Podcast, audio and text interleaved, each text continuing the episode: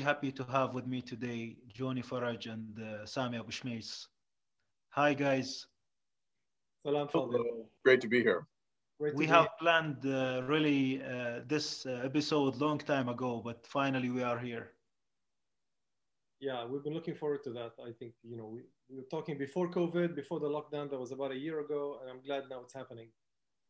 Yes, uh, I'm very happy to have you guys. And I think without a further ado, let me start with the biography of each.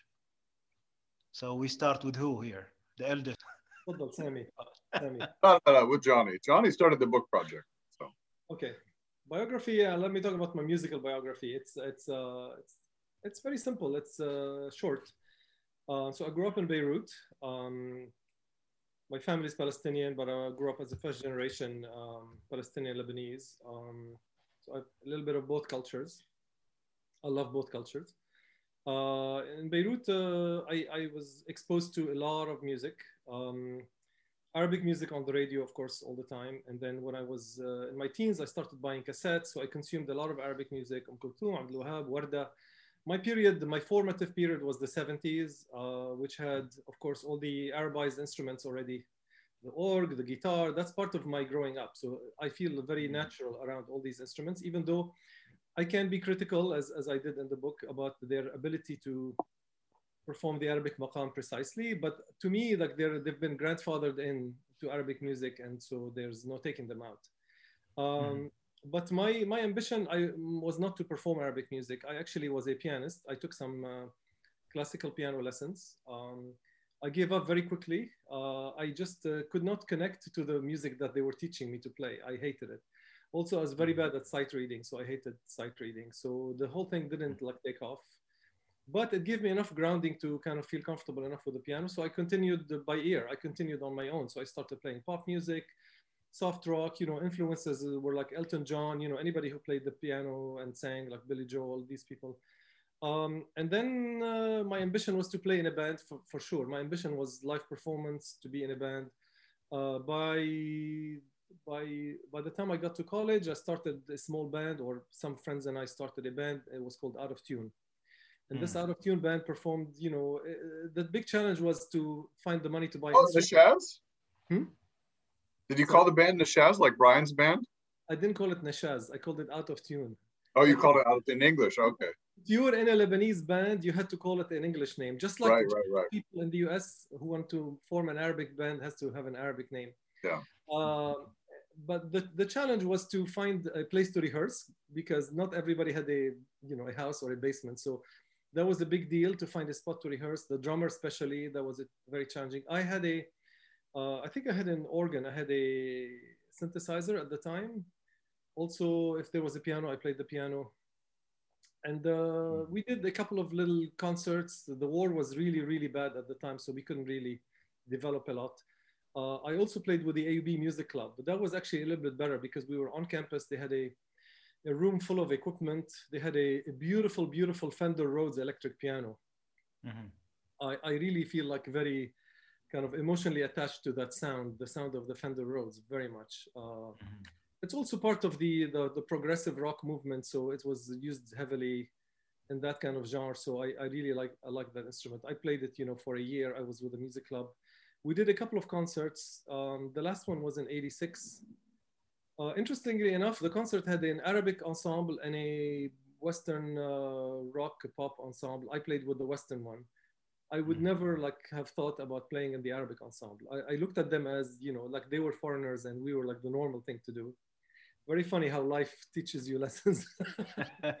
um, the interesting thing about the Arabic ensemble is they um, they had an orc, uh, uh, Western, I mean Easternized, so it was Arabized. And the guy, you know, this was '86, right? He showed me there was a bunch of buttons that were added on, so it wasn't co- constructed, it wasn't manufactured with quarter tones, but someone went and wired some uh, electric elec- electronic components with buttons on the on the you know on the top of the keyboard, and you could press the buttons. There was a little LED, and then you could see that you can shift an entire uh, you know range of notes down by a quarter tone back and forth. And he gave me a demo. It blew my mind. I was like, wow, this is incredible.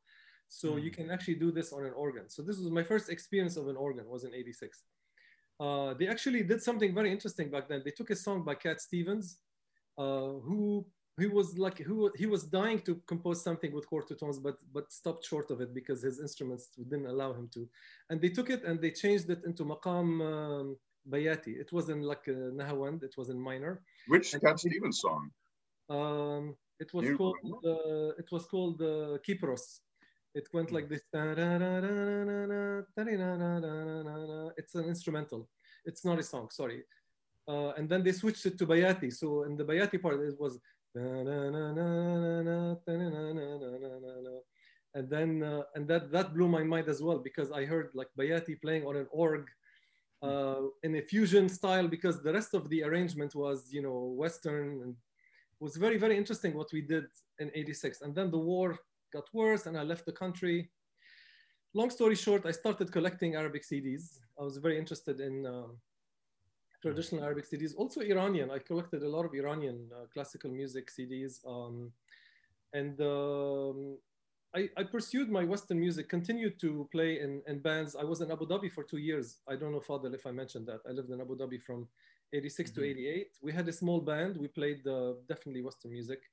I played the Mhm. keyboard. Somebody found a you know a bassist. We had a drummer who was the singer actually Mhm. the bassist used to be also at the aub music club so i knew him from beirut and he basically introduced me to the band um, and Yeah. uh, i also sang in a choir uh, i had a really good bassy voice because i was working on it um, Mm. it was it was beautiful to sing in a choir uh, i came to finally came to Rutgers uh, to do my master's degree, and I also ended up singing in a choir in Rutgers.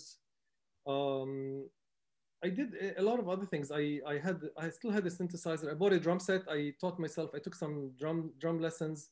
I can play like rudimentary drums, you know, but I have a good idea of Mhm. what's how it works. And Mhm. finally, um, I lived in London for a while. Uh, didn't enjoy it much, and then came to came back to New York. As soon as I came back, um, shortly after, I met Sami through a friend Mhm. of ours, Rania Rene. Um, and then Sami introduced me to Simon Shaheen, introduced me to the Arabic music retreat, and the whole thing just mushroomed. Like the it took on a like a snowball effect because I think I had this pent up desire to learn Arabic music, but I didn't know how to do it, on what I could do with it, what instrument. But uh, one thing led to another, and all of a sudden the whole thing mushroomed. And I attended the Arabic music retreat uh, six years in a row, from 2001 to 2006. Mhm. Uh, they were very formative years for sure. Um, I learned so much from people. Uh, started listening heavily, and then that period overlaps with Sami. So I'll let him do his bio, and then we can ba- basically continue the joint bio from that point, from the early 2000s. Interesting. Yeah. Yeah, go ahead, Sami. Go ahead, Sure. Sami. Okay. So um, my journey is almost in a way uh, opposite Johnny's. Right. Um, so I, I'm I'm also Palestinian American. My father's Palestinian. My mother's uh, white lady. Um, I grew up in Pittsburgh, Pennsylvania. Um, I did study classical music as a child, uh, classical Western music, um, piano from five and violin from from the age of eight. Um, and I got interested in in composition and music theory as a, at a young age, but I had no exposure to Arabic music. Um, like a lot of, um, I think, like a lot of second generation immigrants, my father really wanted to assimilate to uh, American culture, so I didn't learn Arabic. He didn't teach us Arabic uh, at in, at home, so I Mhm. grew up only speaking English. Um, and it was when I actually went started college in um, fall of '98. Yeah, I still it actually took me a few years. I would say it would be. Sorry, I started college in the in the in '94, but it was in the fall of '97 that I kind of was introduced to Arabic music again. My Mhm. parents had had some records of like Farid al Atrash, and they got rid of all those records when I was 10 years old uh, in 1986, coincidentally. Mhm. Um, I remember they got rid of all the old Arabic records and we started collecting CDs because it was the CD era and we just got classical CDs. And I sort of lost touch with Arabic music until 97. Mhm. Um, so I was actually introduced, uh, I was in a class uh, taught by Virginia Danielson, the author of the Um Kulthum book. And she Mhm. invited Simon up to the class to demonstrate uh. And I had actually stopped playing the violin for a few years. Um, I was exclusively by that point focused on composition and theory. I, I really never took performance very far. Um, and Simon came and he played for us, and I felt a, a strong desire to reconnect with whatever it was that I didn't fully understand. Mhm. He reminded me of my uncles with his accent, and his playing was was beautiful, and I, I didn't hadn't really heard anything like it in a while. So I started studying with Simon um, in the fall of '98. Uh, eventually moved to New York City in fall of '99 to start graduate studies at um, CUNY Graduate Center. Mhm. Um, and I continued to study with Simon, I guess, between 98 and, and 2000. Um, and then in 2001 is when I actually traveled to Egypt. So I, I was kind of studying with Simon for a few years um, and understanding a lot about the music, but understanding it intellectually and not really grasping it Mhm. um, in terms of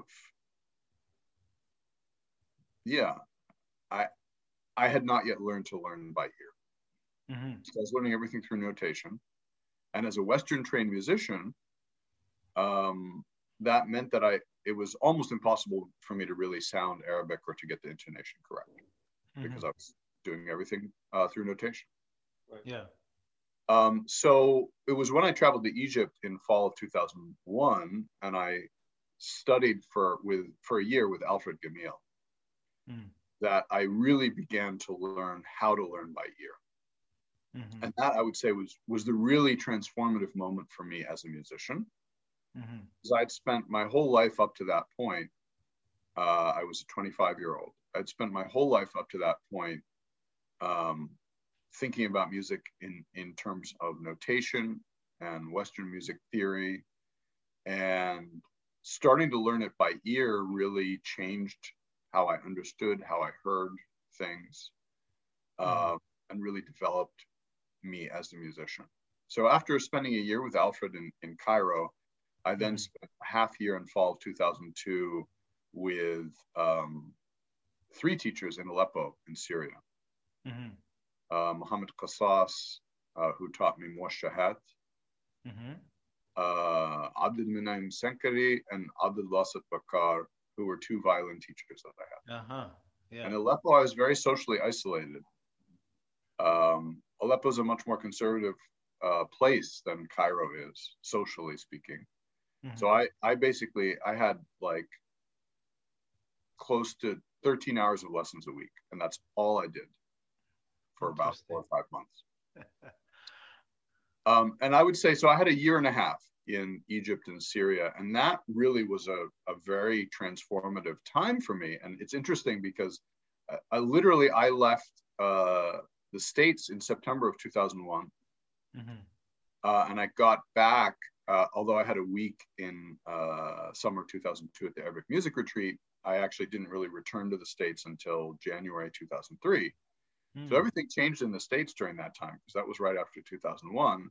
And I totally changed in terms of my thinking about music. I returned to graduate studies at CUNY in uh, 2003. Um, and I, at that point, I found it very dissatisfying.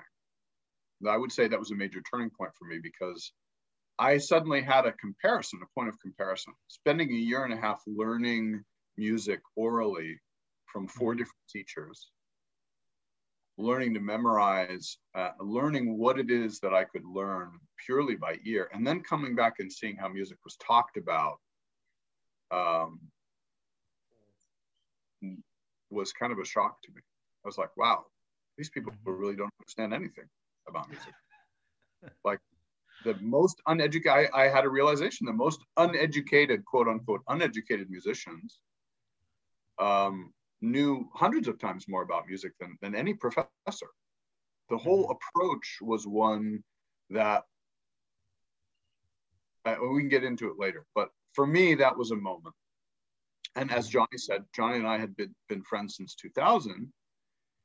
And as I, when I returned in 2003, Johnny and I became part of an ensemble, Tarab ensemble, with another couple friends of ours, Mhm. and uh, uh, a place in New York called Alwan for the Arts uh, was Mhm. opening for Arabic music, and, and Johnny and I were part of a scene of musicians who participated very frequently in the early 2000s. So Johnny and I, and I had worked with Johnny so uh, in early 2001, 2002, I guess maybe 2003, 2004, the early versions of his website, I recorded some violin samples for him. So Johnny and I became very close um, uh, right as soon as I got back in 2003. Um, Mhm. We were close before, but we really, after I came back, we were working together very closely, both as musical collaborators in other groups and then having a lot of conversations about uh, Maqam. I also visited you in Aleppo. Yeah, and Johnny visited me in Aleppo in summer of 2003. That's right. was a Very, very interesting. I visit. introduced him to my to my teacher. So so we had started to, I would say, Johnny and I had started to develop a similar philosophy and and aesthetic and rapport about the music. Interestingly enough, coming from two different places, right? I came from a Western background, no exposure to Arabic music, Mm. uh, Western training, and then realizing that I wanted to do Arabic. And then Johnny also rejected Arabic music, went to the Western side, and then wanted to come back to it. So uh, it we kind of met somewhere in the middle there and found that we had a very similar uh, philo- philosophical approach to realizing that the music was the guide and that theory and things that people had written about it were not necessarily to be taken seriously. So Johnny and I both felt like we needed to really understand the music on its own terms based on how we're performing it, based on what we hear in it. And I would say that that it, you know enabled us to to uh, to work together. I'll, I'll go on a little bit and then I'll pass it back to Johnny. So just very briefly. So then in 2005, I started my group Zikrayat in New York City, yeah. um, which included Johnny and a number of other musicians. Um, uh, we did classic music from Egypt and the Arab world um, and music for belly dancers. Mhm. Uh, we focused a lot on this period of Egyptian film music, especially a very rich period where you had both classical music, more dance music. Um, that was 2005. Started that group. Um, I started working on my concepts for Maqam, and I created my first version of my Maqam lessons website in 2006, 2007 Mhm. um, and I was starting to think about my ideas of uh, of how Maqam was different, right? So we we worked with Johnny, and we had a very solid, you know, by that point, Johnny's website, Maqam World, had become the internet resource, Mhm. Uh, you know, for the traditional definition of Maqam. It was very complete. Mhm. Uh, but I was starting to think about how I felt that Maqam was different. Mhm. So when Johnny started his book in 2008, he started without me, and I'll let you talk about that. But this was also a time period where I was starting to think about different. So I I had already came up with a few different ajnas that Mhm. I thought were not defined in the traditional theory, and I was starting to introduce them to Johnny at that point. So I was like, no, no, no, what are you talking about? This is all nonsense. So it took it took me this time period. So between 2008 and 2013. I Mhm. ended up publishing a paper in Music Theory Spectrum where I first started presenting these ideas. Um, I actually finished the paper in tw 2011. So I was writing it between 2008 and 2011, but it, you know, academic publishing takes a while. So the paper Mhm. came out in 2013, at which point I did a major overhaul of my Maqam lessons website and added a whole section, uh, an analytical section that was meant to go along with that paper. That's called Maqam Analysis a Primer. Yeah. So it was in 2013 when I had that published, and then I finished the overhaul of the website that Johnny invited me to be a consultant for his project at first. So let me pass it back to Johnny Sure. uh, to to pick up some ground there. So that's that's sort of like me up to the point of where Johnny invited me to join this project. I want to I like, a little bit. I like the way you guys are so uh, connected by time, by location, by the understanding. and the belief about music. Go ahead. If uh, you, if you see us have one of those book discussions together, you wouldn't think that. You would think that we're like mortal enemies who are fighting till the death because every point, every point in that book was debated back and forth, back and forth until one of us had to really convince the other of their opinion. So it wasn't like this book didn't come easy. So I think, you know, Sami corrected a lot of my notions. I corrected a lot of his notions. You know, we both basically, he had to sell me every single point that he published in the book, every single sentence, every single new jins suggestion, etc. And I had to, you know, sell him the same. Yeah, I think, you know, I think the point, the point there is that I was coming up with new ideas for Maqam. Right. And Johnny had a goal of writing something that was very accessible. Right. Mm-hmm. At first, Johnny thought that my new ideas would make it more challenging for people.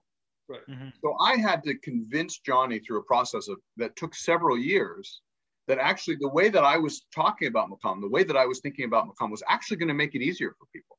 Right. Because it was more in line. So introducing these new ajnas, intro, like it, which seemed like it could be a complication. It seemed like it could be right so we had to go have this back and forth process where I was like, no, this is the correct way of doing it. And John was like, well, it has to be accessible. You have to, you have to like, right. So I had to teach him, I had to convince him, he had to show me how to make it accessible, you know.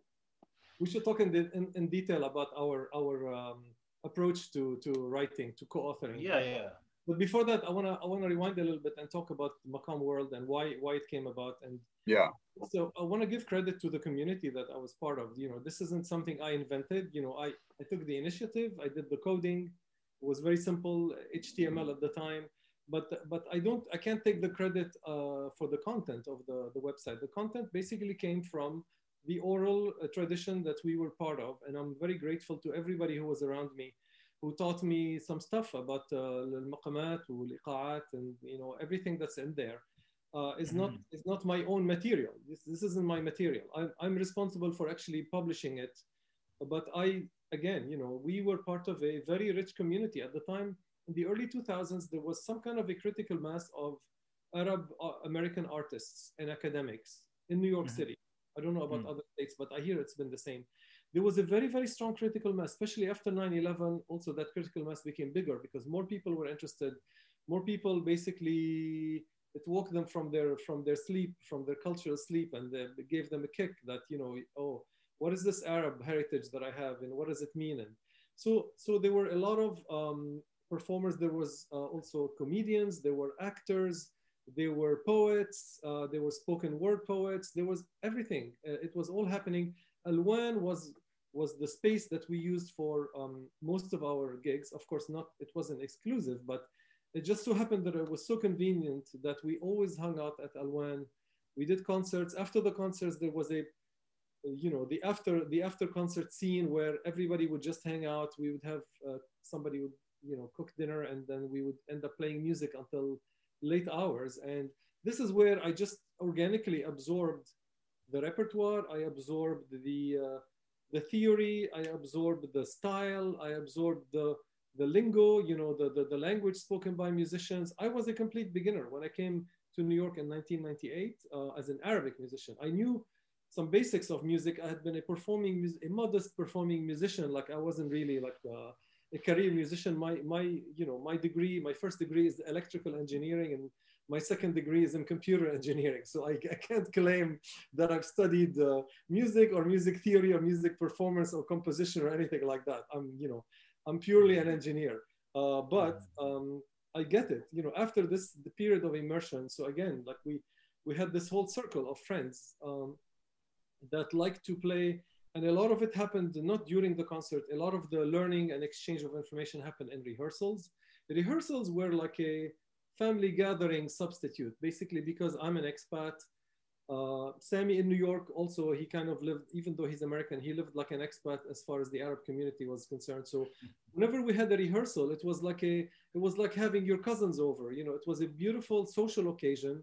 It, uh, it basically fulfilled our musical needs. Yeah, you know, I want to jump in there. Needs our cooking. We cooked a lot. We used to cook all the time for rehearsals. I, I want to jump in on this because I think what Johnny is talking about now is really important.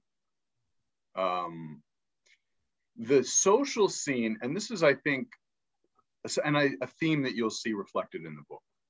Mhm. We try to make very clear the fact that a cultural tradition, uh, in this case, we're talking about Arabic music, Right. can't really be separated from the social scene. Mhm. not only in an abstract way, but in a very concrete way, in the sense that the way people learn has something to do with the social environment they're in. Totally. Mhm. And the way that they learn has an effect on the music that they play. So when you learn Arabic music in an environment where there is a lot of informal instruction, you learn in a particular way that's different than if you're learning exclusively through formal instruction, through through being taught in a class by a teacher, right? So, I, you know, for me, uh, I had a lot of teaching that was formal, especially in Aleppo, but also in Cairo.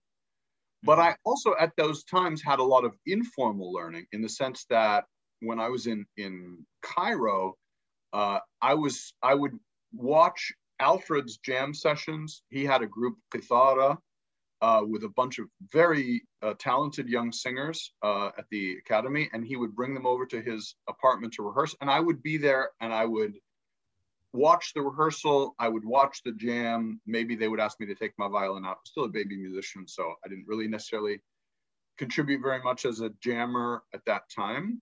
But you know, we were sort of joking before we started this, um, the the before we hit record on this uh, interview about tea and how part of my apprenticeship with Alfred was learning to make tea in exactly the way that he made it.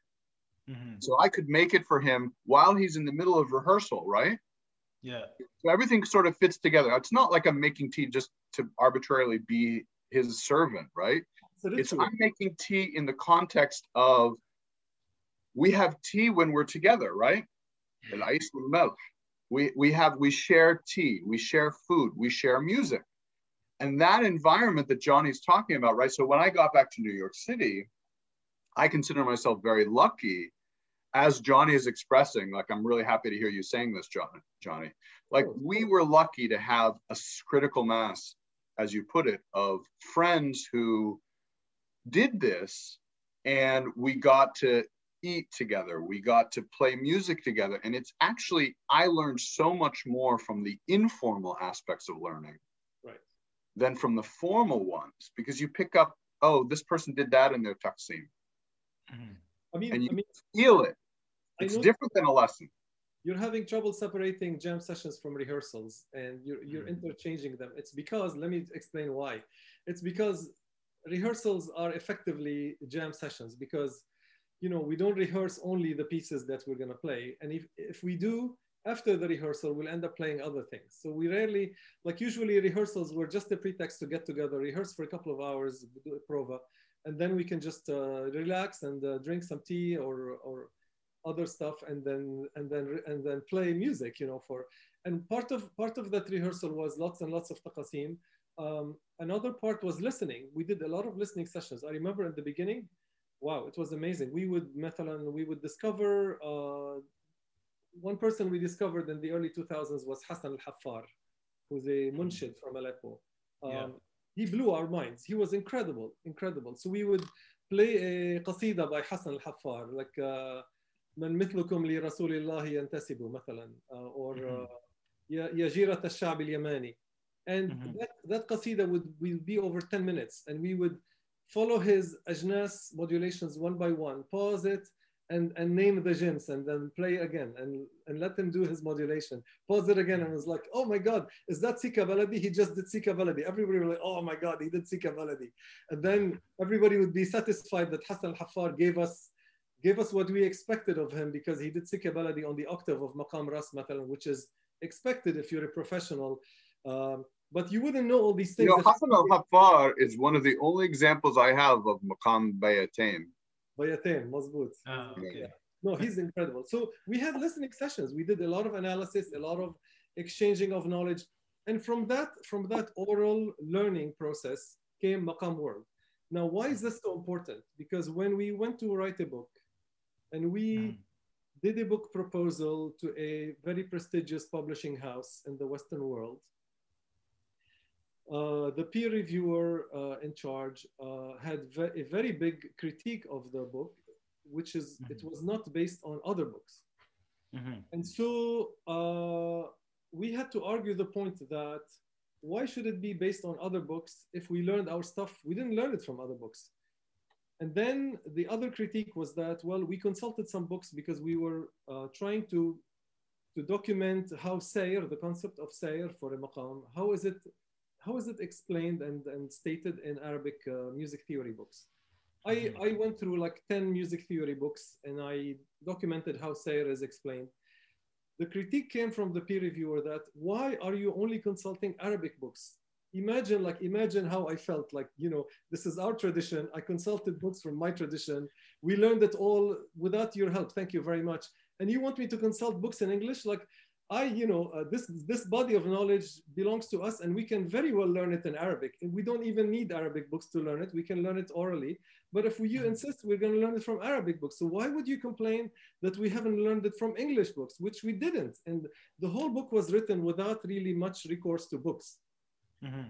And so I had to argue that, you know, the, the ultimate Arabic music theorist probably never read a single English book in his life. So why would you require us to do that? Mm-hmm. And that was a very sticking point with the publisher and with the reviewer. And the, and the justification we got was that, well, you're publishing a book in English in the English publishing, academic publishing tradition. Mm-hmm. If you want to publish a book in that tradition, you have to use the methodology sanctioned by that tradition, which is requiring reading of previous references and anything that was stated that you agree with that you're stating again. If what was stated in a previous book, you have to give credit to the previous book where it was mm-hmm. stated. We went retroactively and read uh, like a dozen, uh, you know, English uh, references between papers, book chapters, entire books, etc.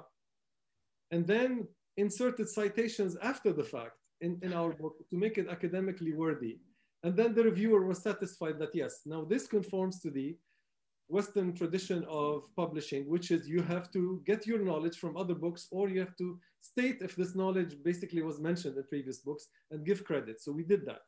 And that made our book academically worthy. But I just, I, I always make want to make it clear that this is not how we learned our tradition.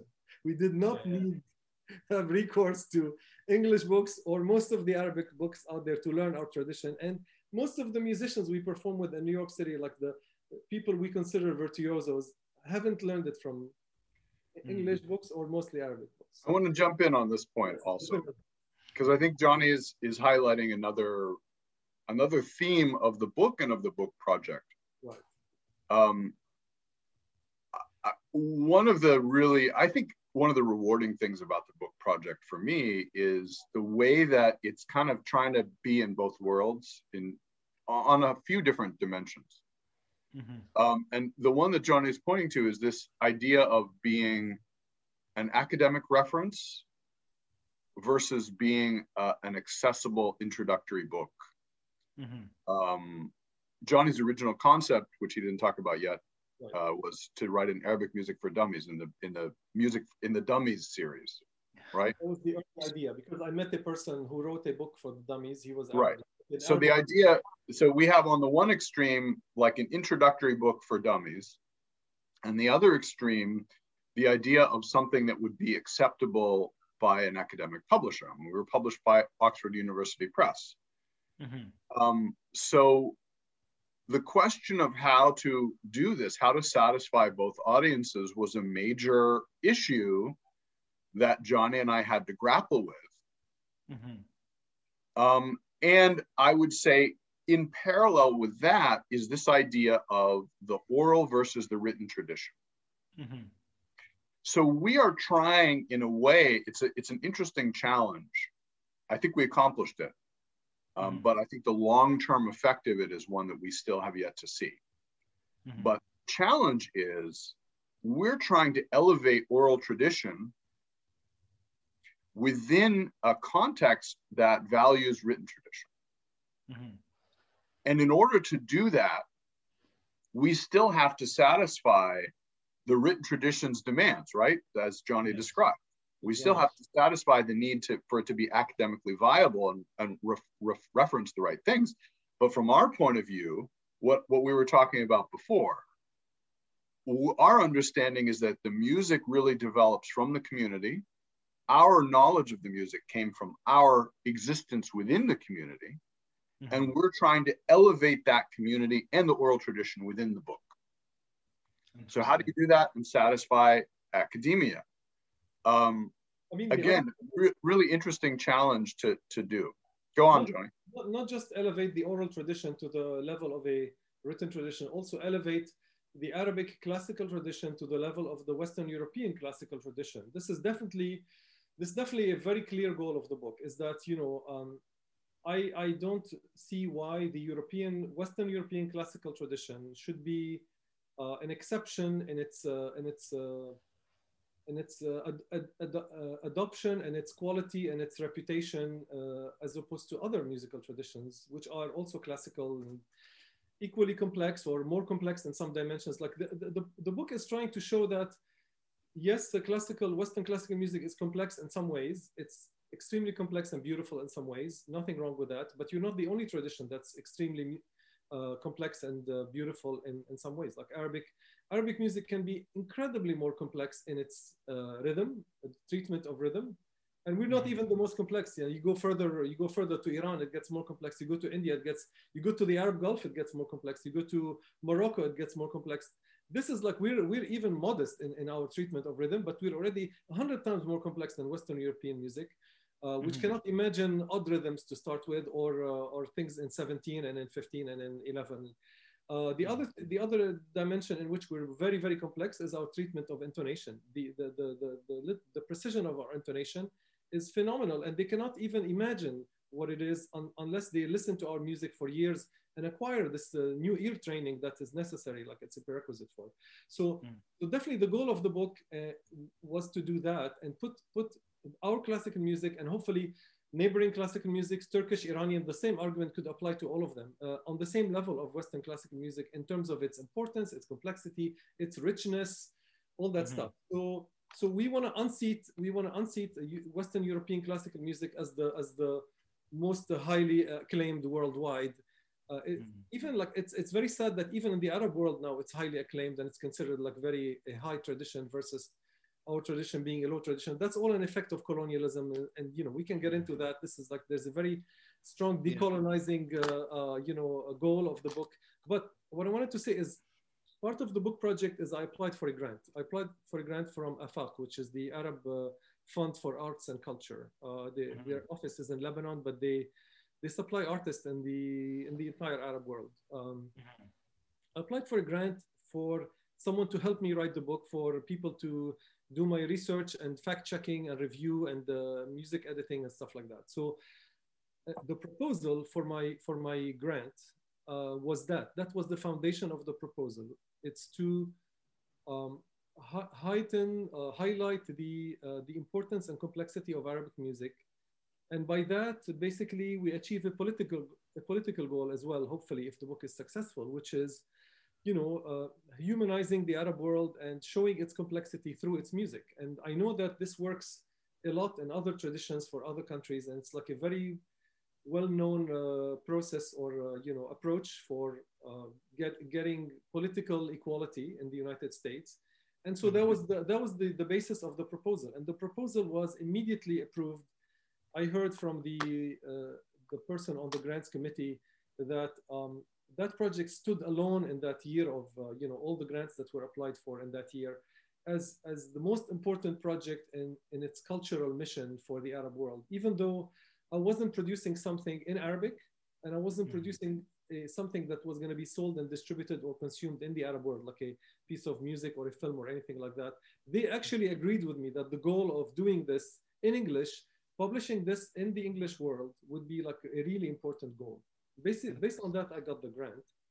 And uh, using the grant money, I hired uh, uh, two people. I hired Sami and I hired another person, Dr. Samir Ali, who's Syrian. He did my Mhm. fact checking research and um, uh, you know all the all the Arabic uh, side of the fact checking, which required reading Arabic sources and all that, because Sami couldn't do that. And so um, that that was kind of one of our goals. The other goal is to own our narrative and have a book about Arabic music written by uh, an Arab person or an Arab practitioner, you know, because both of these things are lacking. Uh, Arabs writing about Arabic music and practitioners writing about Arabic music are lacking. So we definitely fill the gap in that in that uh, uh you know sector as well. Interesting. Actually, I would like, I really like the discussion, so I left it uh, to go that way. It's so interesting that I didn't want to interfere actually in the discussion, and it went very well. Uh, but I want to go back to the first point. Let's let's actually highlight the first and second generation culture and music. You guys are two examples: first generation and second generation immigrants. Yeah. I think this is worth a discussion here. Yes, I mean, we, you're right that we are different in that way. I grew up listening to Arabic music, and not just Arabic music, religious uh, music, which is maqam based. Uh, yani, the, the, neighborhood where I grew up in Beirut was very multicultural, multi ethnic, and multi religious. Um, mm. My family itself is Greek Orthodox, so I got the Byzantine tradition from going mm. to church. And the Byzantine tradition is a modal tradition. It's almost like the next door to the Turkish tradition, or some say that a lot of the Turkish tradition is based on Byzantine, etc. So that mm. was one of definitely one of the neighboring traditions. And then the Islamic tradition, you know, uh, outside my window uh, in my bedroom in Beirut, there's a mosque, and I heard the mosque five times a day. And plus, they had uh, lots of other events that they held sometimes uh, during Ramadan, where they had lots of chanting, and so I, I got that too. And uh, you know, mm. adhan is still until today is still one of my favorite sources of listening to a maqam and really like taking the modal journey uh, with a maqam because it's just voice. Uh, mm-hmm. It's one of the purest forms of delivery of maqam for me. And it's also one of the oldest established. In other words, like we, what the, the melodies we're listening to were all passed on orally.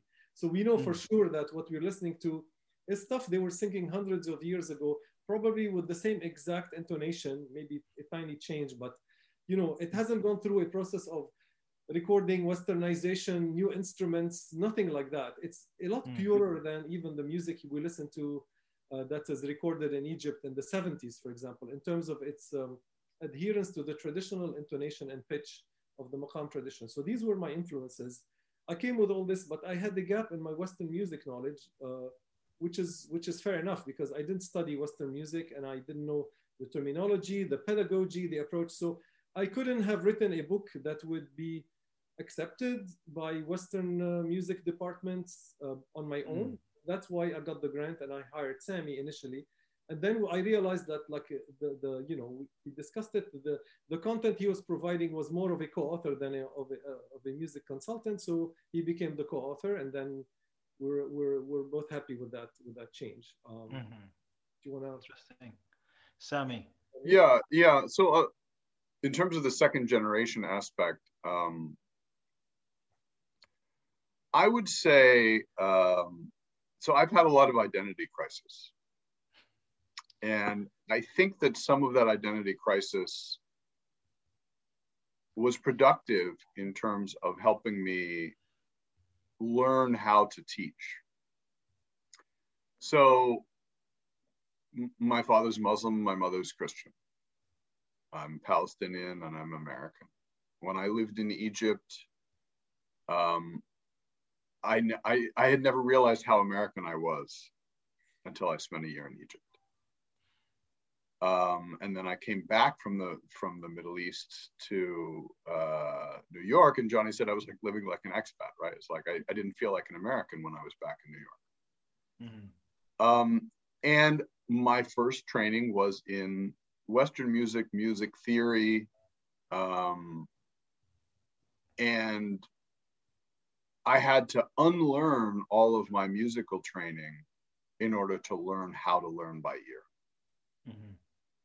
So, as a teacher, I found that I learned a lot about my own difficulties in learning Arabic music has really helped me to teach because I came in with this a lot of students in the US are students who have studied Western music and are become interested in Arabic music and then want to learn something about it. Mm-hmm. They come in and they they know how to read music or they have some Arabic piece that someone else notated for them and they've learned to play it through notation. And I have to undo for the, them the same thing that's been undone for me, which is mm-hmm. the, this process where whereby you don't think about music until you see it written on the page. Mm-hmm. Um, but also, I think the identity crisis for me gave me a window into being able to be critical of theory on both sides. Mm-hmm. So I, I found that both the Western approach to describing Arabic music mm-hmm. was overly narrow and rigid and was based on theoretical assumptions, and that the Arab music theory was undeveloped and was basically accepting some of the assumptions thrown on them by the West. Some of this has to do with intonation. And I want to get back to something we were talking about before with intonation, because I think that this, the issue of intonation has always been one that is such a challenge for people to grapple with. And it's, it can be a focal point for everything that happened in the book. So I want to let, put a few themes forward and let Johnny pick up those threads. Sure. But let me say, yeah.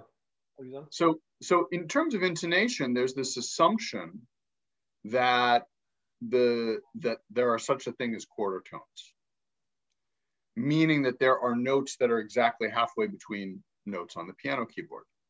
Mm-hmm. We even call them E half flat as opposed to the note that's halfway between E flat and E natural. And that assumption that the basis of the tuning system is the piano keyboard is a Western assumption. And it's not based in the musical reality of the Arab world, but it's one that's been accepted by the Arab world since the 19th century. Colonialism started in the 19th century. So you have two centuries of uh, Arabs looking at their own music from a colonial approach and Westerners it's like this regurgitation. It's, it's like what Edward Said described in Orientalism. It's just a regurgitation mm-hmm. of the same false assumptions about music. The West says it. Uh, Arabs who feel insecure about their own culture accept the Western description of them. Westerners who don't know about the Arab world accept the Arabs' description of themselves that's based on the Western description. So there's this this vicious circle of, of regurgitated falsehood. Mm. I came in and I was able to see through both of it because of my identity crisis. Mm.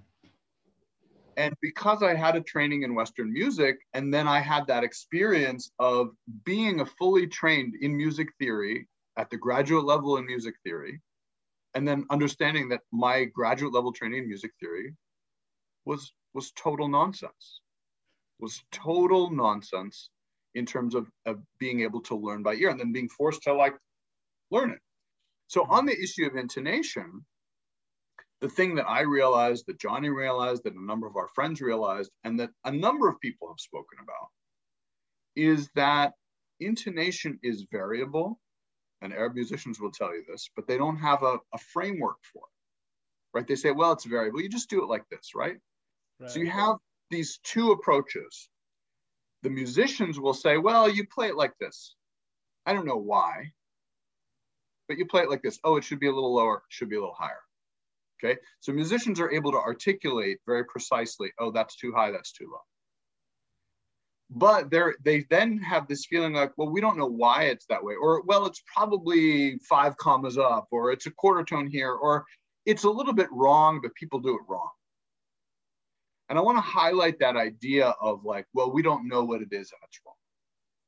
And I want to make a comparison here with what happened to American blues and jazz music. Because yeah. the same thing happened as it with colonialism, which is you have these notes that are part of African American music that are not in the Western equal tempered scale. That people said, well, these musicians are uneducated, they're playing it wrong. So we need to correct it.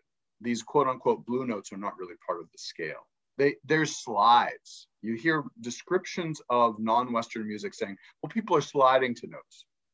And Johnny and I read a, there's a famous book by Daniel Levitin, This is Your Brain on Music, where he talks about I have to find that book. There's only really 12 notes, only really 12 tones, and all the rest of the scales of music in the world, they're just like variations on. So there's all these assumptions. You have this Western assumption that everything is, there's a mathematical system that determines um, musical intonation, whether that system is some form of equal temperament, meaning equal divisions of the octave, or some harmonic system based on the ideas of Pythagoras, just intonation, that everything is mathematically correct through uh, interval integer ratios of harmonic frequencies. Mhm. This may be over the head of some people. But anyway, so on the one hand, mathematical justifications for intonation. And on the other hand, musicians are saying, well, that, that's the, it's a little off, right?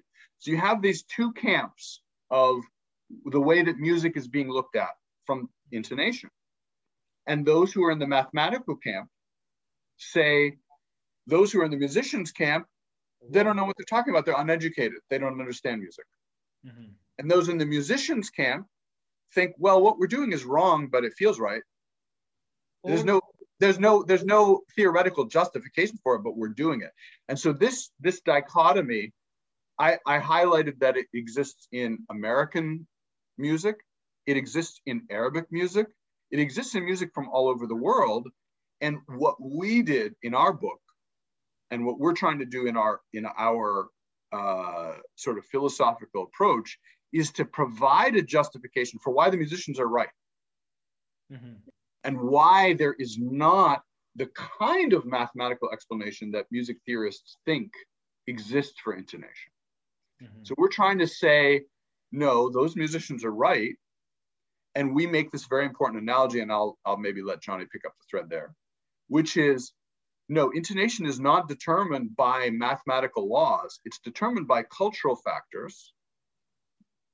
It's determined by it, and it moves in the same way that, that vowel sounds uh, in a spoken language move. It varies, it changes over time, it changes over geography. These are observations that we made, but we're just saying that these observations are truth rather than evidence of something being corrupt or or it went off or it went wrong. No, it's actually the difference between an Egyptian E half flat and the Syrian E half flat isn't wrong.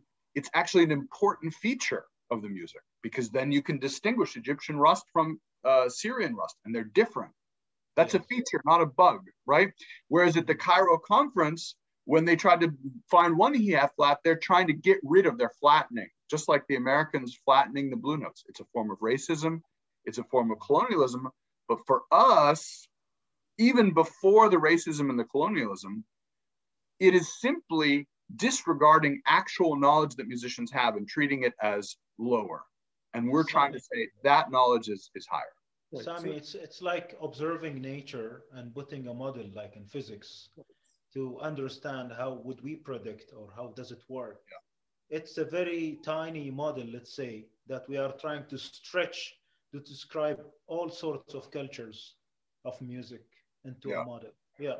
but this is this isn't a big problem for musicians it's a bigger problem for academics because they're uh, you know they're producing material that doesn't reflect really what's happening in performance It But is- Johnny, wait, it is a problem for musicians because it influences pedagogy and it forces people to be taught in the wrong way. I was going to say that if you're trying to learn by reading books about it, then it's a problem. If you learn orally from Abdul Basit Bakar or, or Muhammad Qassas, it's not such a big problem because you're getting the correct uh, repertoire and intonation, ornamentation, all that stuff orally, and you wouldn't know that it's being written about in such a distorted way. It, it's a problem if you're looking for books, if you live in New York and you don't have a teacher and you're looking for books, and the book tells you, you know, it's a, it's a quarter tone or it's a tetrachord or all those concepts that are not Arabic, then then it's a problem. And this is like why this book, one of the goals was this book of this book was to provide musicians with something that they could uh, use to learn about their own tradition written by other musicians so it's it's the book is like a substitute for the oral gatherings that we have this is really like the the premise of the book so it talks Okay. about things that we've experienced it doesn't talk about things that other people wrote so we Mhm. like you know when i when i write about uh, like tarab or or Mhm. the taqsim or uh, all that stuff. I'm writing from a musician's perspective, from the perspective I gained by mixing with other musicians. And so there's no contradiction. So we didn't allow a, the influence of a uh, written material or uh, theories or any, anything like that to actually well, we did in the beginning, but we cleaned it up. We, we didn't allow it to corrupt uh, the content of the book. And in the end, the book re reflects 100% what you would learn if you were sitting with a group of musicians. I'd like to, to pause here, if you allow me, Johnny and Sami. Actually, I will, I will go deep into this point here, but I would like to just hit into the, uh, the concept of uh, a model or a theory yeah. that's brought up from the practice. Did, I'm sure you have compared, for example, the theory of Turkish music or Azeri or uh, Persian music to the practice. Did you see it come close to the practice from your experience? Compared to your work? I the, looked at them yeah. in detail, but I hear they have the same problems with the gap between theory and practice that we have in the Arab world, Persian and hmm. Turkish. Mm. I think they have yeah, the we, same. Mm. Yeah, we've heard that some musicians are, are, are taking a similar approach. I think you mentioned some to us in a previous conversation. Yeah. I'm sorry, yeah, yeah. look at it. Uh, and mm-hmm. other people have mentioned it. So I think that it's something that I'm optimistic and hopeful that musicians from other Maqam traditions, as well as musicians from other world music traditions, mm-hmm. are starting to own their own narratives again. I think that I hope that what Johnny and I have done is actually part of a movement among musicians to mm-hmm. reclaim oral tradition um, because definitely the kind of thing that we have done could be done in any music tradition. There are elements that are are there in the music that are just not adequately described by by music theory.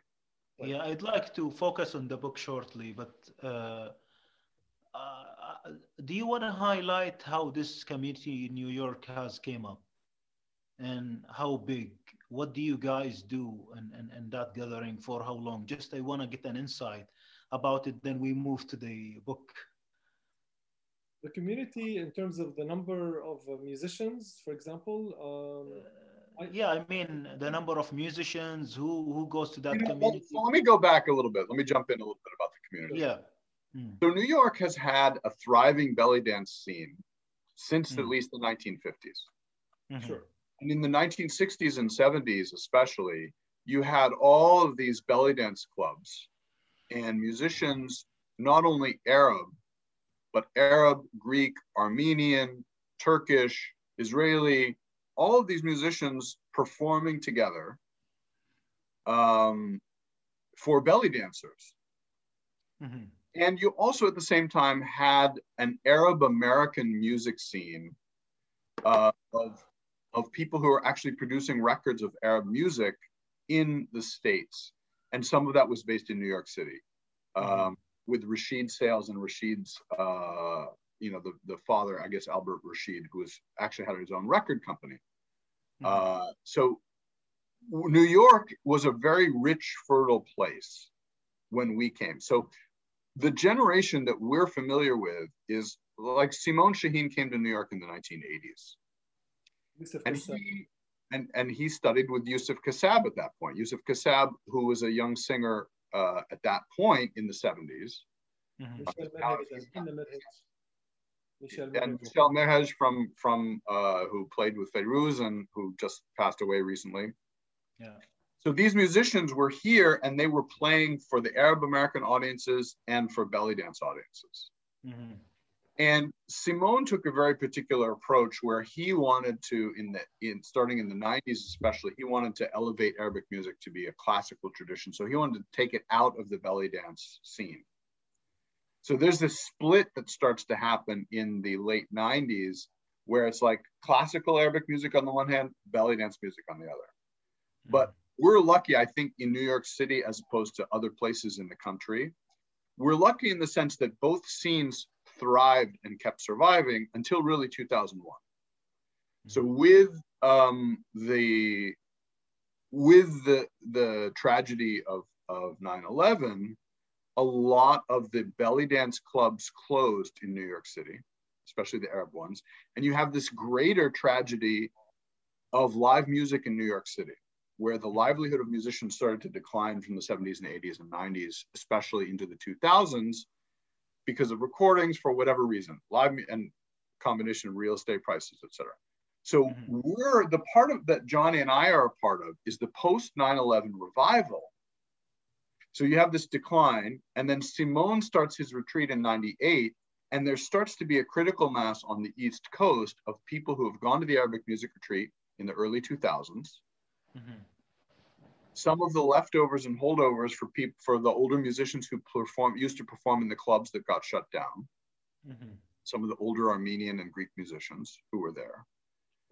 So you have a number of generations interacting in the early 2000s um, of some decline on the one hand and some increase on the other hand as Simon is, is gathering more people on the Arabic music retreat. And then Alwan, which Johnny and I both talked about earlier, became a new hub um, for the Arabic music scene for about 15 years.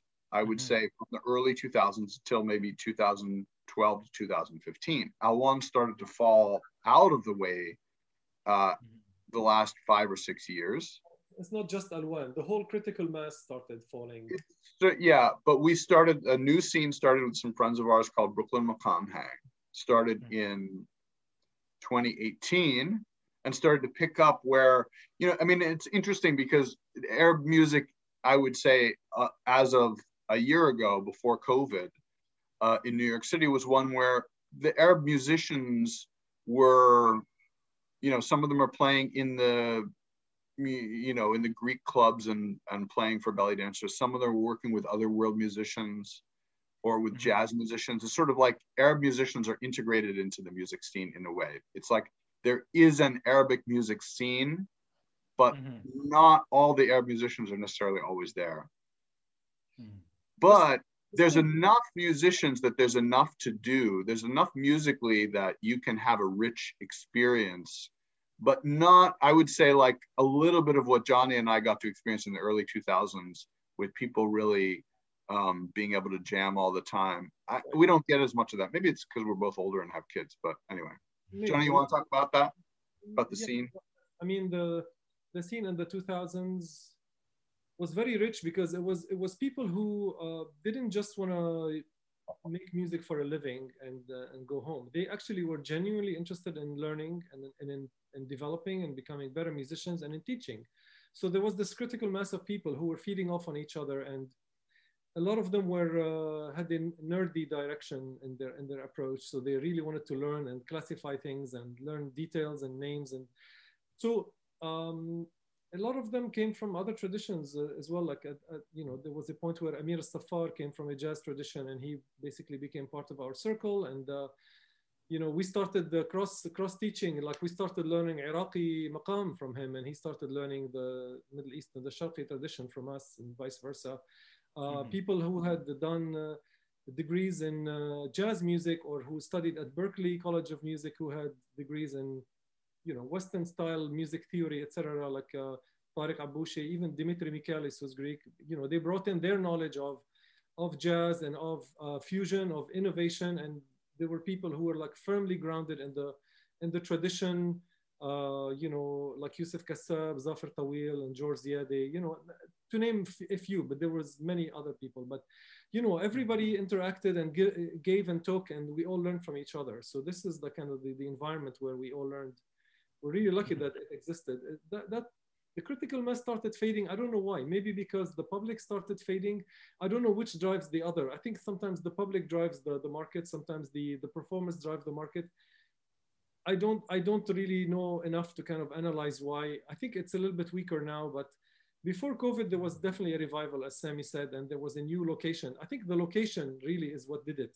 Having a, mm-hmm. a space that is a constant space that has history behind it. I think that encourages a lot the the the performance. You know, you go to that space and yeah. you know that people have been playing there for years and years, and it has this history mm-hmm. behind it and memories and its own audience. that you know, like anytime you put together a concert, you went to Alwan and they they programmed you on the program, and then you were guaranteed that their audience would be interested in you, and vice yeah. versa. So the whole thing flowed very effortlessly. I would like to ask one more question about the community and then move forward. Yeah. Actually, what has protected uh, or maybe saved you from uh, like a noisy kind of music if you have everybody coming into that place from all cultures. And is it the name like Arabic music? Because you have all of these guys, all of these guys, you know, coming from different educations, uh, traditional, formal, informal, jazzy, whatever, academic. Are you talking about New York City? Yeah, yeah, yeah, yeah. No, Alwan, Alwan had a very clear angle in its programming. They had a very clear agenda. Their programming was music, I mean, arts of the of the Arab world and neighboring countries. So they had a little bit of Persian, a little bit of Armenian, a little bit of Turkish, but mostly uh, Arab. It was an Arab arts center. So their programming was always that. So they were definitely selective. Uh, mm-hmm. Because you know their their mission and their funding and all that was based on programming Arab arts. Okay. So it wasn't like a general. It wasn't like a venue. Like there's a million venues in New York City that have different various you know traditions, but Alwan was devoted to the Arabic tradition. Um, mm. I remembered some, something, Sami. Can I go back to a previous point that you said about the identity crisis? I, can I pick up on that point for two minutes? I think it's very interesting. Yeah, sure, sure. You, you assume that people who grew up from uh, Amer- from Arab parents in America have an identity crisis, which is correct. I hear this from many friends. You assume people who grew up in the Middle East don't have an identity crisis. I didn't say that. No, okay, maybe like maybe the listeners assume that, but it's not true actually. Um, unfortunately, like I, I, have to say this, like uh, frankly, growing up in Lebanon, uh, it, Lebanon itself as a, as a concept has an identity crisis, whether you know whether it's Arab or not Arab or how Arab it is, uh, is it, and it's a constant negotiation. The the influence of Western culture on Lebanon is immense, immense. You feel like like Western Western culture is entering the Arab world from Lebanon. Like this is like the the point the the wedge where Western culture enters the Arab world. It's we're like right on the tip of that wedge. And so you grew up in Lebanon. Um, uh, you know, you, you, you know, like the, the, the point you said about why uh, Arab music theorists, uh, you know, even from the 1930s onward, why they took on Western classical pedagogy without really questioning. Uh, they took it on because it was very, very, very strongly, you know, pushed on them by the, by the, you know, by the wedge of colonialism and westernization and globalization, whatever you want to call it, it's basically colonialism.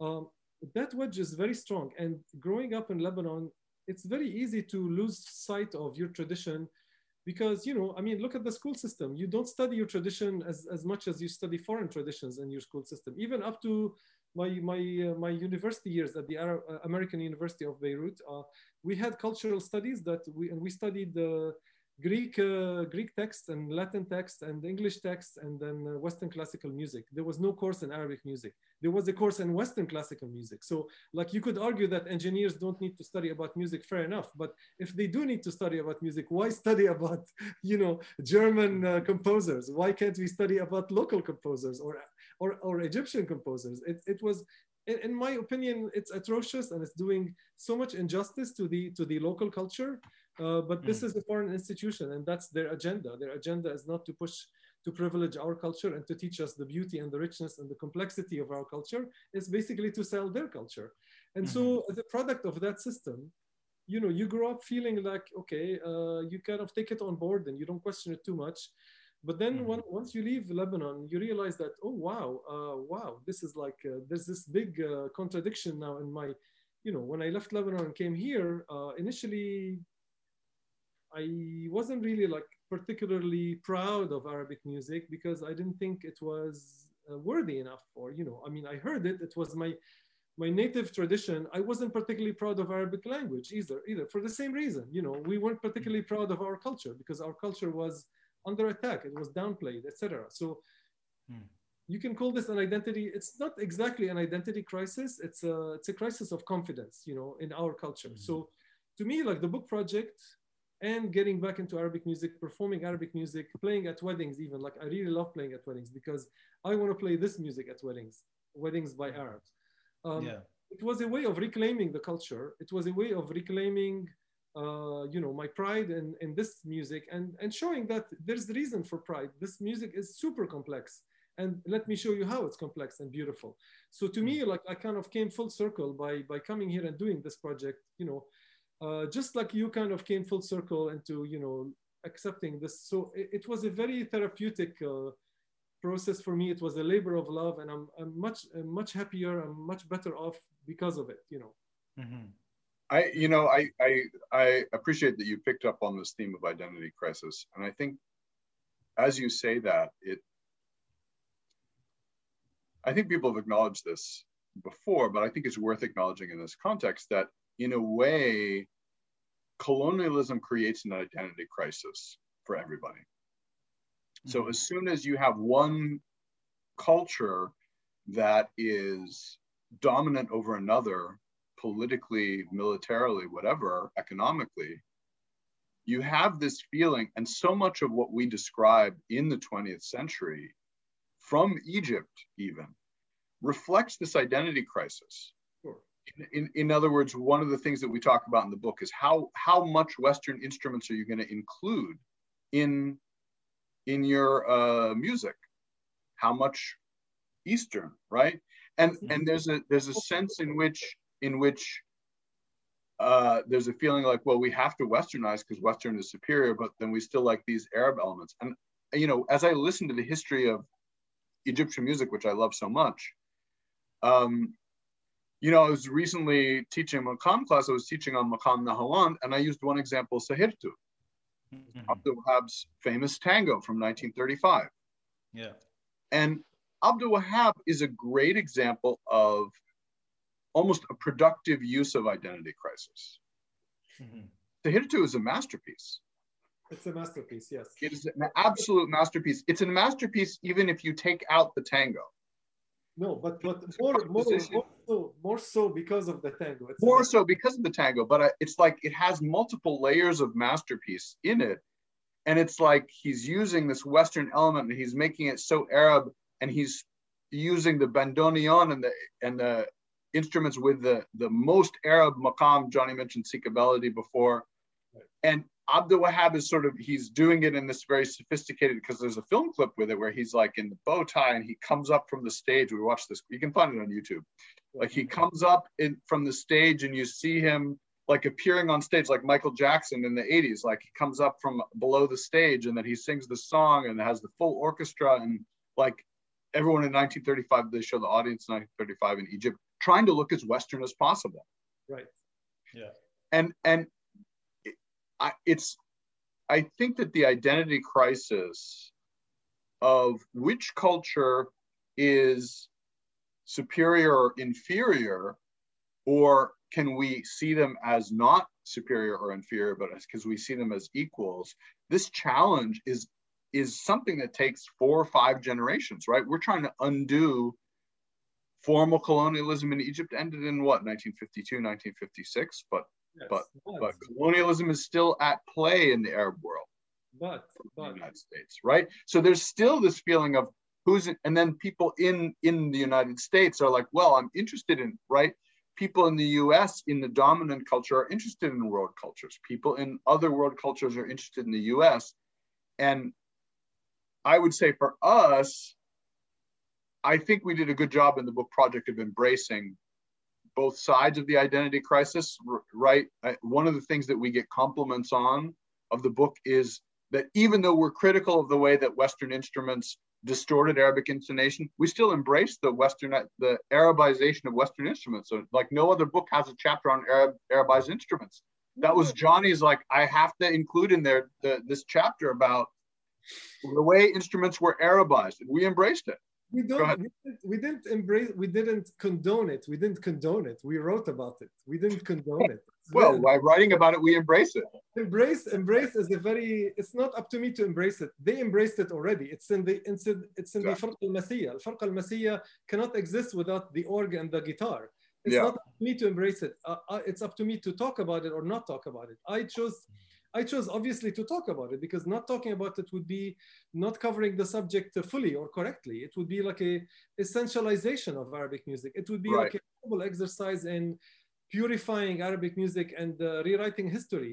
What happened is they did embrace it, and they when they embraced it, I'm writing about it as a matter of fact that there's a chapter called Arabized instruments because because they did because Ahmed Adawiya, who's the most sounding Egyptian shabi singer, you can't get more shabi than Adawiya, uses a trumpet Like who who am I to like deny the trumpet after Ahmed Adawiya uses Sami Babli on the trumpet? Like it's not my choice. But my Yeah, choice was to write about it or not, and I did. Of course, I'm gonna write about it. And also, the second reason I'm gonna write about it is, is that it's my generation. I grew up in the 70s and 80s.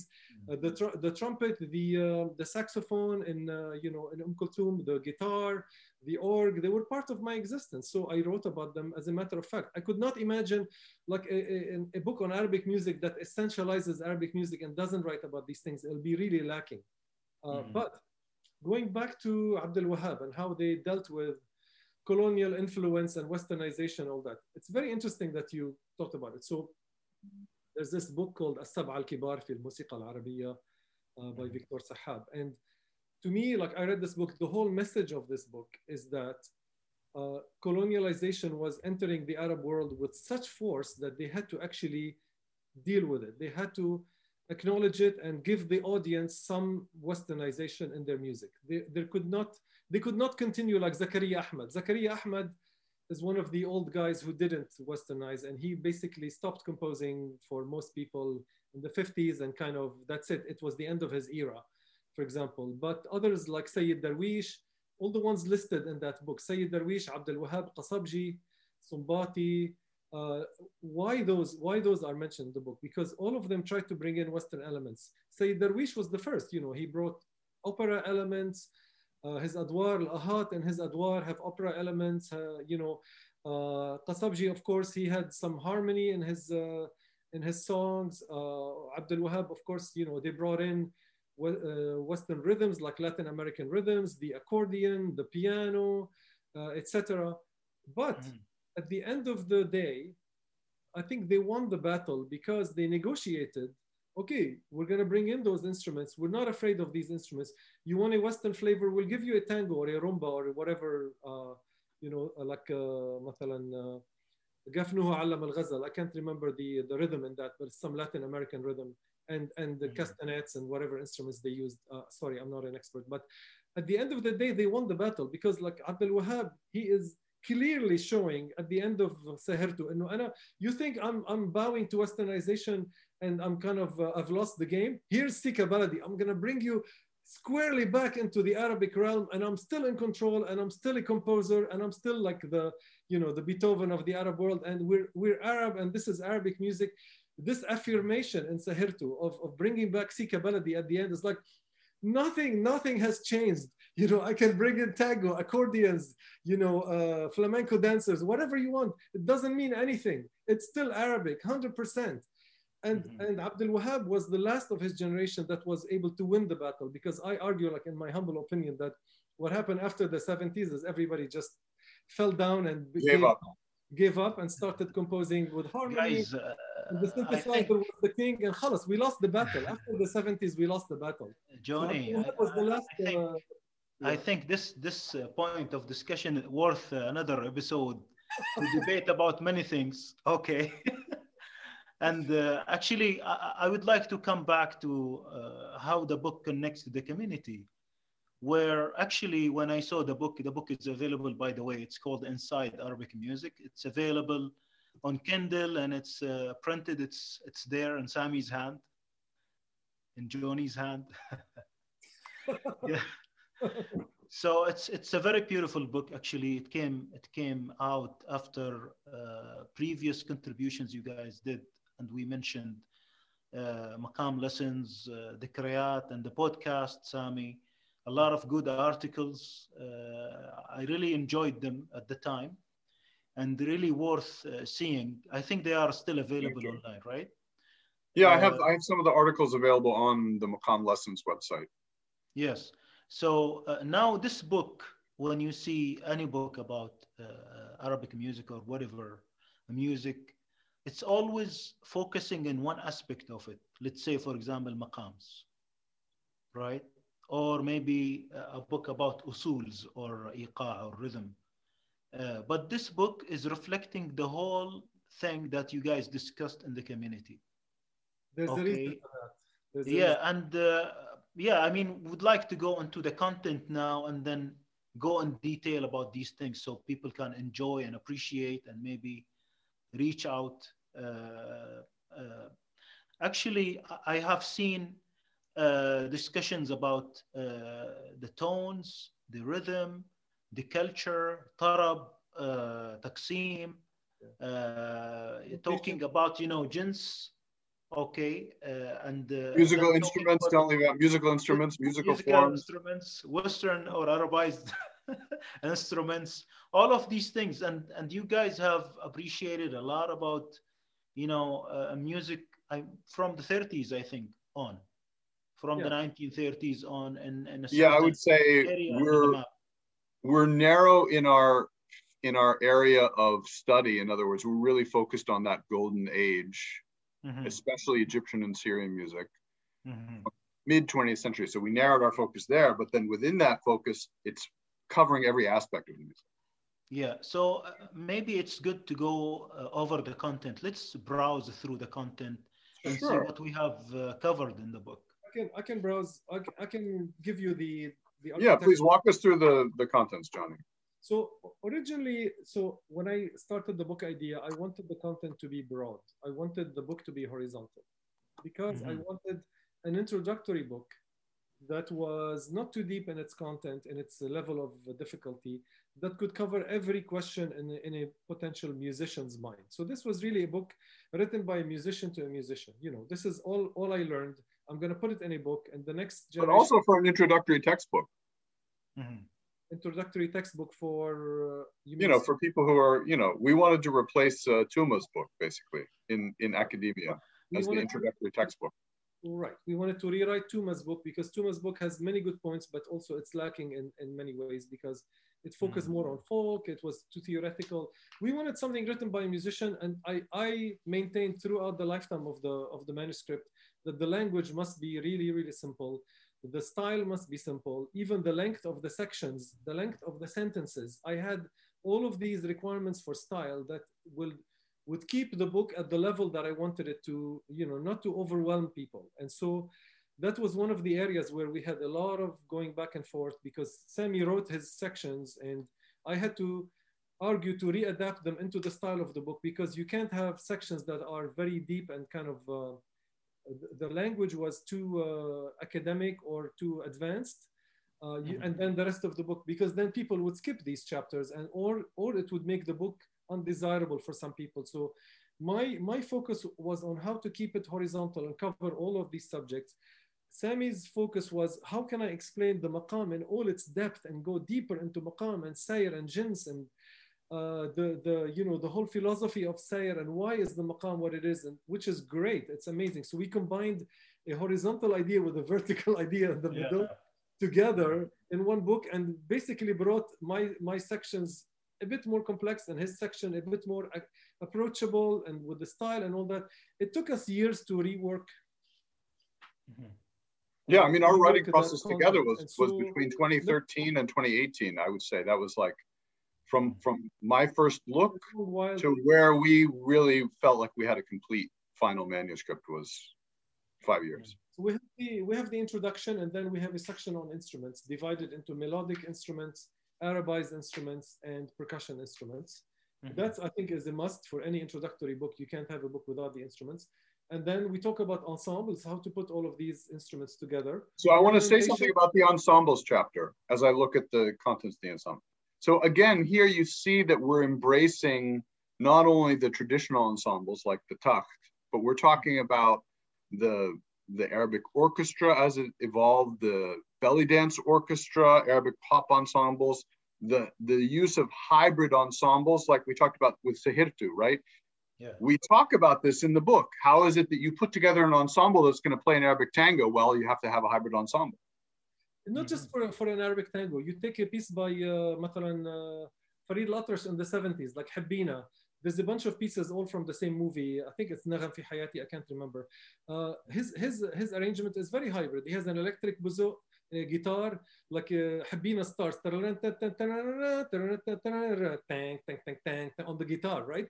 This is a hybrid ensemble. It has the guitar, it has the org, it has the uh, electric buzuq, and that has all the other instruments. And to me, like it's un- undisputably Arabic, right? You can't argue that Habina that arrangement is not Arabic. It's Arabic. So we, we got to write about it. There's no way I'm going to exclude this kind of arrangement. It's a beautiful song, just like the songs in the 30s, right? So to me, like mm-hmm. that whole that whole diversity of ensembles and arrangements from the 30s to the 70s, they're all equal in, in their importance. So we're going to talk about all of them, right?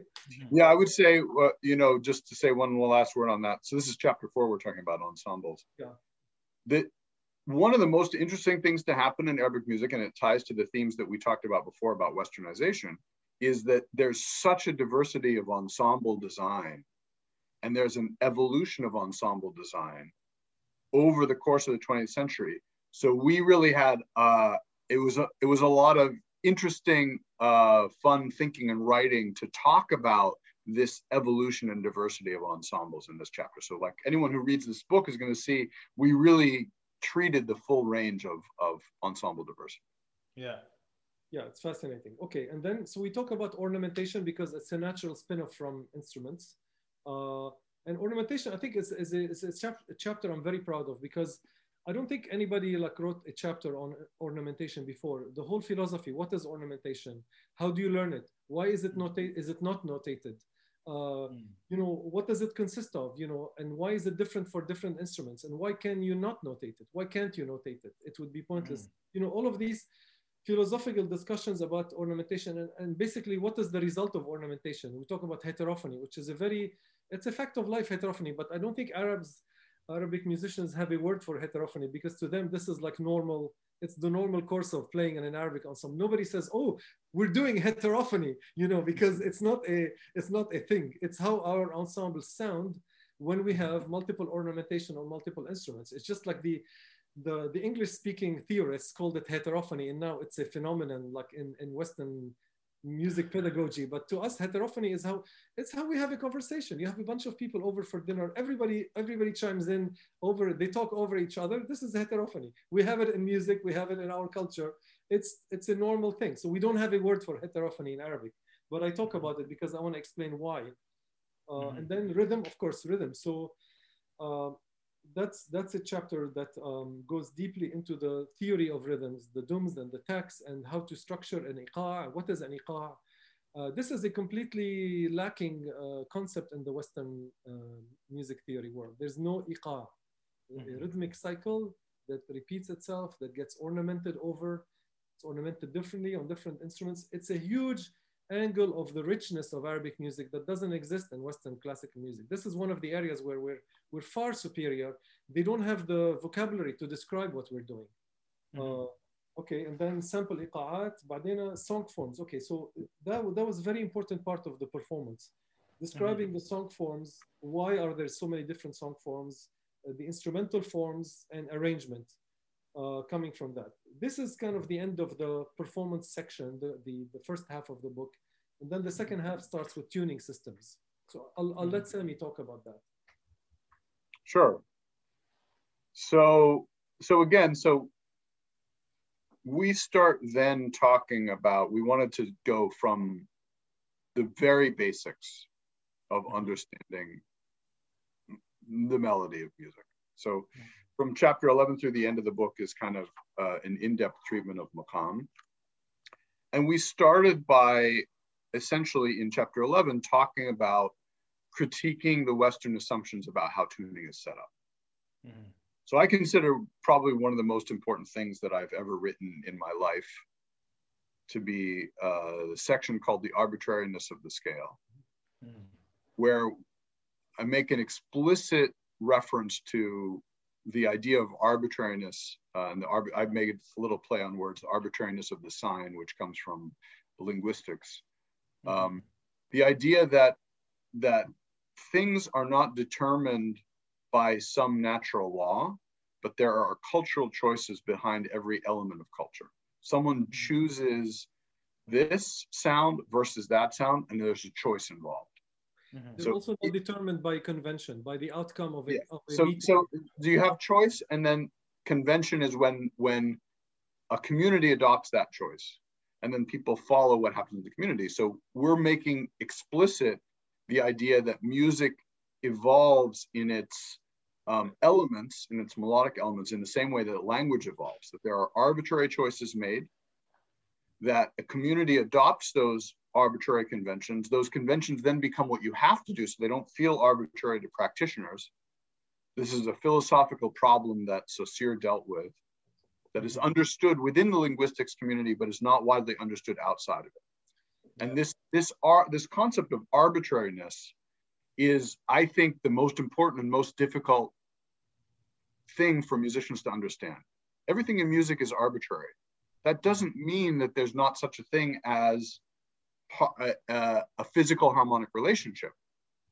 I think this is probably the most important point on the theoretical level that that I've made is just because one string vibrates in a ratio of three to two and you have a harmony where the frequencies vibrate in a, in a, in a way that's like, that's physical reality, right? If you have one string vibrating at 330 cycles a second and one at 220 cycles a second, and they overlap, physical reality, right? So then people will say, okay, and this is since the time of Pythagoras, therefore music is determined by that mathematical ratio. And the answer is no, absolutely not. Just because that ratio is there doesn't mean you have to use it for music. Mm-hmm and it is a choice when you do use it. Right. So highlighting choice as the basis for the tuning system starts chapter 11. And we then talk about several of the different areas. So you have a you have this long history of, of tuning fourths and fifths, just intonation and Pythagorean intonation that is the basis of the oud tuning that became the basis of Arabic music theory for a few thousand years. And then you have these arbitrary elements that vary like the vowel sounds in, in language that vary over geography and culture. And mm-hmm. the tuning system is a hybrid. And again, it is a convention that is, was adopted by uh, arbitrary choices that became the convention. So that's how we approach the tuning system. And then from there, we talk in chapter 12 about notation and all of the challenges we face about how do you notate, um, why do you notate? When do you notate? What is the effect of notating on, on learning? What are the problems with notating? What are the advantages? We really treat notation from a 360 degree point of view rather than just saying this is how you notate. We, do, you think, we, do you think we treated it fairly at the end? Do you think we gave the pros and cons fairly? because I I. I, I, wrote that chapter. My my attitude to notation is definitely. And we both wrote that chapter. I mean, some of the some of the chapters, uh, I would say, Johnny and I both wrote all of the chapters. He was the primary contributor to the first ones. I was the primary contributor to the later ones, but we both wrote major sections in every chapter. But my slant was definitely negative because I survived all this time without notation. And you could argue I'm just the Riq player, but no, I'm, right now today I'm learning the oud and I'm, I'm a melodic player but also the Riq player needs to know the, the music as well as everybody else in the band. Otherwise, you can't do your job. So I, I know dozens and dozens of sama'is by heart, and I dozens of muwashahat by heart, and dozens of songs by heart. So I'm, uh, I remember more than melodic musicians, even, uh, even though I don't play a melodic instrument. But I, I try to give it its justice. But my definitely my attitude is that it was a detriment more so than it was a, a, a, benefit to Arabic music. And I, I'm not shy about saying like the, the final conclusion of the chapter. Uh, but, you know, this chapter can be critiqued by someone who can give us- It's a, an opinion, you know, I mean, I think the, the thing that, that, that your, your viewers should be aware of is Johnny and I took this approach with the material as not being afraid of our opinions mm-hmm. not making a false attempt to be objective. We're trying to present everything we know and everything we think about it. So, I mean, it is, yeah, certainly the chapter on notation has a point of view. Not everyone will agree with it. So, then the next few chapters get into the heart of this discussion about jins. Mm-hmm. And jins is Right, jins comes from the Arabic word genus, and the concept of jins was adopted by Arabs who looked at ancient Greek tetrachord theory. So there's this heritage of 2,000 years of, of history of jins, but we essentially try to make the concept of jins be more in line with the actual practice of music. And that I would say was the first major innovation of Maqam theory that's presented here, which mm-hmm. is we talk about jins not only in its interval context, meaning the size and shape of, of how it sounds and the melodies, but also we we allow the melodic aspect of jins to drive it to the point where we start to recognize that there are ajnas that are not defined in the traditional theory because their intervals might be the same, but their melodic behavior is different. And so the examples that, you know, that we that I gave, the, the sort of the most typical example of my innovation here is the jins that I originally called secondary rast, but which Johnny persuaded me to call upper rast mm-hmm. um, in, in the book, which is this fact that, okay, you have these same intervals between rast and upper rast, but melodically one leans down and has a very strong tonic emphasis mm-hmm. down, and the other one has a strong tonic emphasis up, and their melodies are different. So to say this is the same jins because just because it has the same uh, first intervals is wrong. So this is how we're critiquing the, the traditional theory is we're saying, yes, you can describe intervals, but if you don't take into account melodic direction within the jins, you're not hmm. fully capturing. So we took that, we redefined jins in chapter 13, and then 14, 15, and 16 is basically a catalog of all of the ajnas used in Arabic music, both the traditional ones and the new ones that I identified and that I worked with Johnny. Right, I had to I had to persuade Johnny that all these were real. We then had to find examples in the repertory, right? So everything that we do, so from chapters 14 through 16 and then chapters 24, whenever we're concretely defining something about maqam, we mm-hmm. set a standard for ourselves that no matter how rare, we have to find at least two examples of a particular maqam melody or modulation for it to be considered part of the system. Otherwise, Meaning, with it, with it, I mean, this was our standard because essentially we're saying if we're describing cultural conventions, we're describing things that are repeated by people. So mm-hmm. we have to find something that people repeated. So everything we do here, every one of the new ajnas we, we came up with mm-hmm. are things that exist in the repertory that multiple people do that we found multiple examples of. Uh, and then we defined it on the basis of that. Mm-hmm. So after those Ajnas chapters, we get into this, this discussion um, of maqam, And I, I, I, I don't want to take too much more time just summarizing the content of these chapters because at a certain point, I would say the strength of the maqam chapter is that we look at, dissect the metaphors that people use. And we point out the fact that scale is already a metaphor. Mm-hmm. The idea that notes are arranged in some order of steps, maqam, right, mm-hmm. is, is a yeah. word meaning position or place, right? That's a metaphor. Mm-hmm. So by uh, understanding that the way we talk about music, high pitch versus low pitch, are metaphors, mm-hmm we then are able to then go back and look at maqam and see how is the melody actually behaving and create new metaphors. Mm-hmm. We talked about subway maps, the tree metaphor that people use trees and branches, mm-hmm. you know, the root jins, the, the, the trunk, and then the branch maqamat. And then we came up with my, my metaphor of choice is the network metaphor. Um, mm-hmm. and understanding that the ajnas move to each other in a sort of a multiple different kinds of pathways. I think this is another innovation. People talk about traditional theory and they say, okay, if you're doing Maqam Rast, you're going to start in Jins Rast and then you're going to go to Jins Nahawand, then Jins Hijaz, then Jins Bayati, then Jins Upper Rast, and then come back down, right? Presented as a linear story. Yes. Whereas in fact, you have these branching possibilities that go in and circle back and, and have a network you can see the network just by doing a graph. Yes. Uh, so that's an innovation there. And Johnny, I would say, did more of the writing in the modulation chapter, which is the next one. Especially Johnny, Johnny was, this is one of the strengths I would say that um, in order to make things accessible in the book, Johnny likes to talk about things in a metaphorical way. Mm-hmm. So the, the bus trip is Johnny's metaphor for a maqam journey. The meal, the cuisine, the, the cuisine, the, the, the, the, multiple, the appetizers leading to the main course and the dessert is another metaphor that I think we use for sayr, I think somewhere, or, or modulation. For the wasla. For the wasla, right? So so the metaphors are great, and so Johnny started introducing metaphors to to help people understand the journey that we're talking about that maqam is.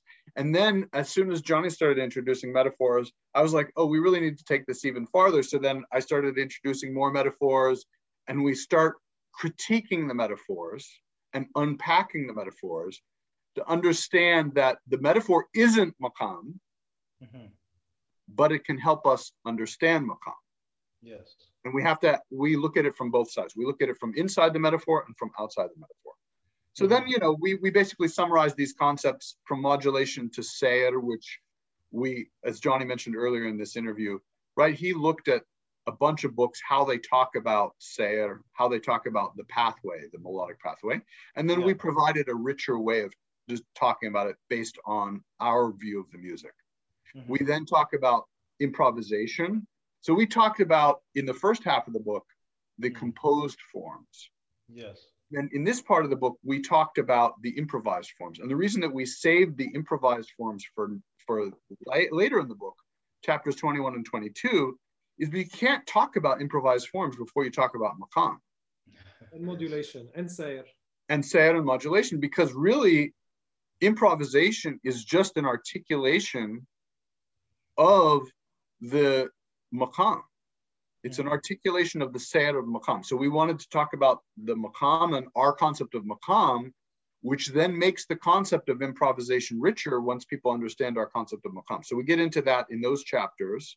We talk about Tajama, the way instruments and, and singers interact yeah. in improvising. And, and this Tajama, right, is its own metaphor mm-hmm. for how the music works for how the community interacts. In other words, that there is this cultural phenomenon of you have a melodic pathway that is a choice. Yeah. That choice becomes a convention, and other people translate that convention and they work together, and there's this community that reinforces itself. And that's how communication happens. So mm-hmm. Tajama became a metaphor for actually how the community and uh, the music grow together. And the mm-hmm. listeners. And, and the, the, listeners grow together. And then that goes into the metaphor with Tarab. It's like this idea of Tarab is not a phenomenon that a single person experiences by themselves. It is, mm-hmm. it is the experience that everyone has together when you have master musicians and listeners who are familiar with the tradition and musicians playing with each other right so we, we develop those ideas and then finally we do what you have to do, which is what everyone asks for. Can you give us all the maqamat, right? Everyone wants, this book has to have, we called it the maqam index. Yeah. Yes. But you have to have a listing. So what we did is we, again, we listed 35 maqamat, but mm-hmm. our rule for listing them in this book was as I described earlier.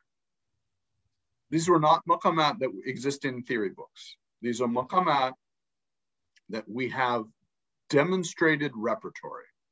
Mm-hmm both from Egypt and from Syria, mm-hmm. from Lebanon and other parts of the Arab world.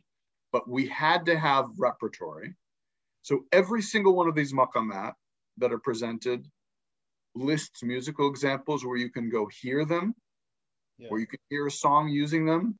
And I would say one of the most important parts of our, of our book is that is that we list like we have 300 musical examples for our mm-hmm. points. I think and that is as important as the text that we write is that we say, okay, right, uh, I'm just open to a random page. Okay, right? Yes. This is chapter, uh, this is uh, Maqam Hijazkar. Okay? Yeah. And look, examples in Maqam Hijazkar include the following. The fourth verse of Umm Kulthum's Muhammad Abdul Wahab's instrumental, right? We're talking about mm. instrumental pieces, uh, vocal pieces, uh, mm-hmm. jihad from Syria, uh, things from Egypt. We have a graph. We have a mm-hmm. scale. We're showing the maqam, but but those examples are what we want people to go and listen to. And and I would say, and and uh, I'll talk about it there. Is this is where my YouTube series takes off from the book, mm-hmm. because in a way we are explicit in the book that the book is a guide but it's the mm-hmm. actual experience of being in the oral tradition of learning music by ear that is what people are going to learn with. So the Yeah. book is like it's a it's like a, a tribute to oral tradition, but in and of itself, it's not oral tradition. So we're always pointing outside the book. You have to listen to this. You have to Like a wa- It's like a travel guide. You buy a travel guide about, you have to actually go there. about, about, uh, Paris. Uh, you can't learn about Paris from reading Exactly. guide. I, I like that metaphor. Johnny's always coming up with great analogies. Well, Once Um, you go to it's a Paris, travel- travel guide is going to be your guide. You're going to look at It's a oh, guide, but you have to go and listen to all the examples. And so then what I started to do on YouTube is I started to create uh, video lessons for every jins and every maqam in the book that are that are you know because then you can hear the examples, you can hear the melodic phrases that are used in improvisation tied to each one. So I'm I'm partway through that process, but in a way, what I would say, and I'll let Johnny pick that up, the book is like the cornerstone of multiple projects that Johnny and I have to educate people about Maqam. Right? We each have our websites. The Maqam World website that Johnny is the beginner of this process, which not only lists the scales but also has tons of musical examples. Right? So, so some of the musical examples listed in the book, the main concept. go to the website and find them. Yeah. You have my website, and then my YouTube series, and and we're kind of in a way we're trying to put these all together. They're Mhm. mutually reinforcing forms of pedagogy. The book is only one piece in what in the way that we're trying to educate people.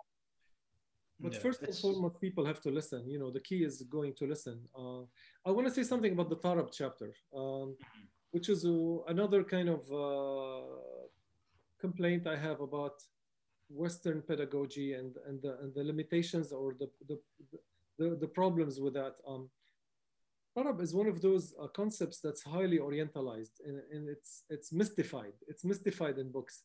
They talk about Tarab as if it's something that only happens in the East, the East with its complexity, uh, the orientalization of the East. Tarab is like It's a- haunting. You have to use the word haunting. You have to use the word haunting. Curious and haunting. It's a metaphysical state, and they, they try to explain it. Like the, the, the thing that gets me is people who try to explain Tarab in English have never felt Tarab. They have no idea what Tarab is.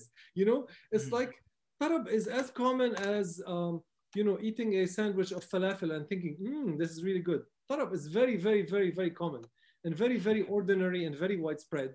Everybody feels it. Some people are more connoisseurs of the music. They understand the details. They understand the maqamat. They feel it at a more detailed and kind of deeper level. But everybody feels tarab.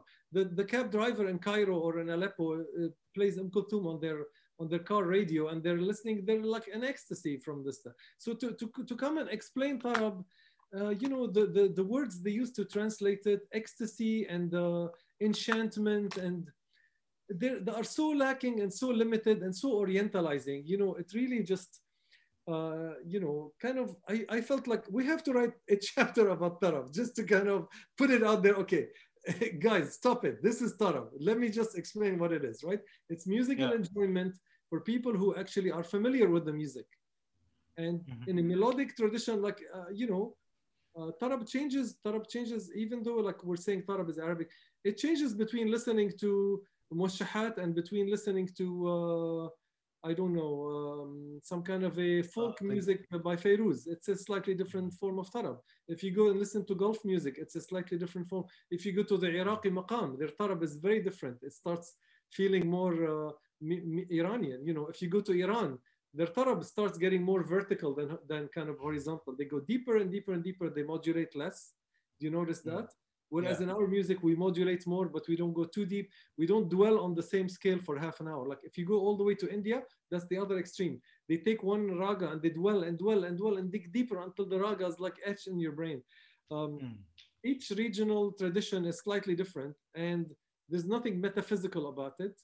There's and nothing, time also time wise on the timeline like uh, the area the time which uh, right. decade and so on right of course, it maybe community yeah yes in the in the old days in the 30s, you could listen to a wasla for uh, half an hour and stay in the same maqam. Our attention span today is shorter. You know, you can do 10 minutes and then you're ready to move on. It's kind of like everything else in life, you know, it's become Yes. commoditized.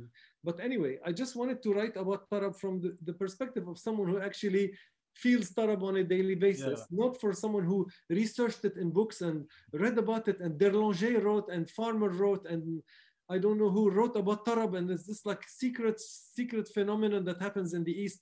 Like the whole purpose of this book is to demystify Arabic music. Yeah. And I hope that we've uh, achieved this goal because it really like bothers me the way it's kind of it's kind of treated in the Western world. And demystification creates a boundary, it creates a barrier, a barrier of like we can never really deeply understand it. Well, you can, but you're not doing what you need to do to understand it, which is listen mm-hmm. to the music. You're not going to understand it by reading about it. You're not going to understand it by reading sheet music about it, certainly. Uh, you're going to understand it by performing it with other people who perform it, by learning it, by listening to it, by living it. You have to live it. Yeah. Once you live it, tarab becomes demystified. Then, then won't, you won't have to read about tarab then you will actually experience tarab. And that's that's really the goal you know. Why read about it if you can experience it? Interesting. Uh, i want to just say one word about that um, which is which is in a way so we demystified tarab and showed that it is really just another way of looking at what maqam is. Mm. that uh, I, I sometimes look at the last four or five chapters of the book, and I, am like, this is this, these chapters are really saying the same thing, mm-hmm. and are just a different way of looking at it. So I'm talking about maqam, modulation, sayr, improvisation, and tarab. Mm-hmm. These five ideas are the same thing. Mm-hmm. Improvisation is just following the journey. Modulation is how you move. Sayr is the overall journey. Tarab is the result of following that journey. Tarab mm-hmm. is the result of what you expect. What you expect is based on what you are used to. Mm-hmm. It's based on those cultural choices. So tarab is the result of cultural choices. Maqam is the result of t- cultural choices. Maqam takes the form that it takes because of the experience of tarab.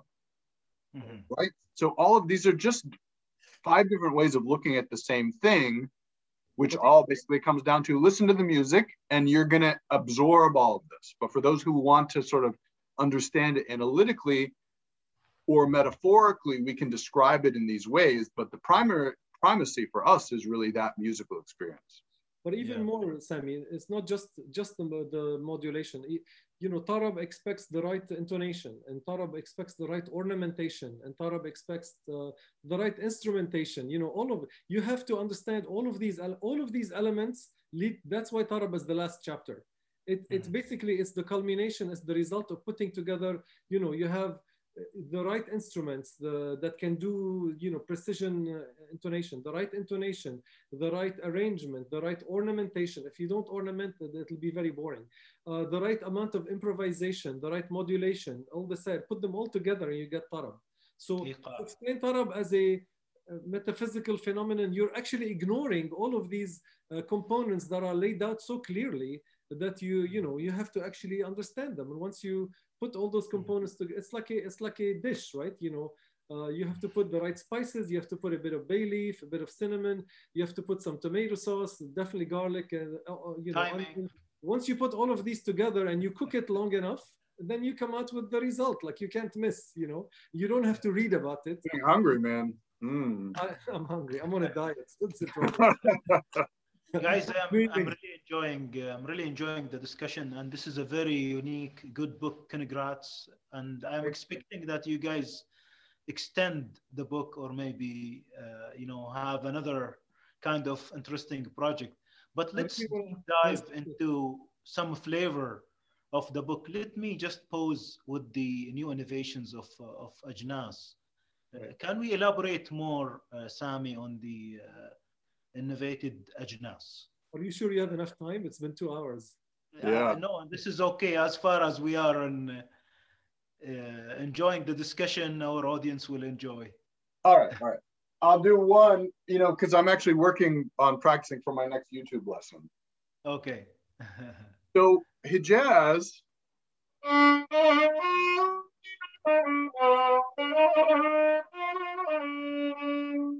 we uh, catalog two variants. Mm-hmm. Um, which have to do with moving outside of the basic scale. So the basic scale of Hijaz is these four notes. One, two, three, four. The note underneath the tonic, this is our tonic.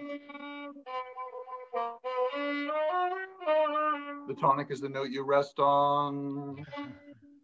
Now, Hijaz Kar sounds like this.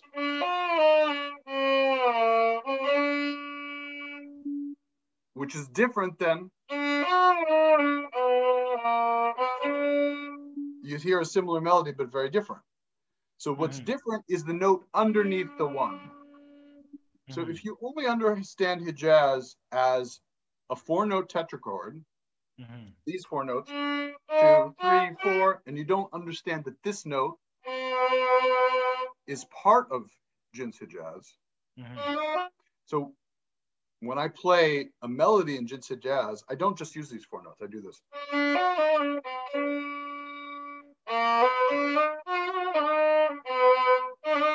Seven, one. So if those notes underneath the tonic are part of the Jins melody, then they're Mhm. part of the Jins. That's our Yes. innovation. And the Mm. part two of that is that therefore this melody of Hijaz is different than this melody of Hijaz Kar.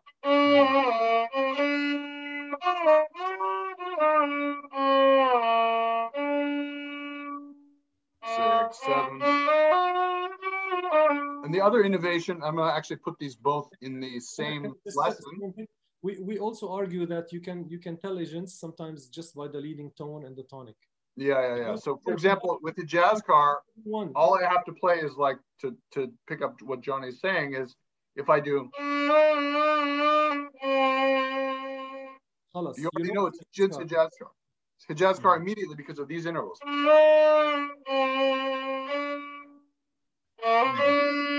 Right, that's a Hijaz Kar as opposed to.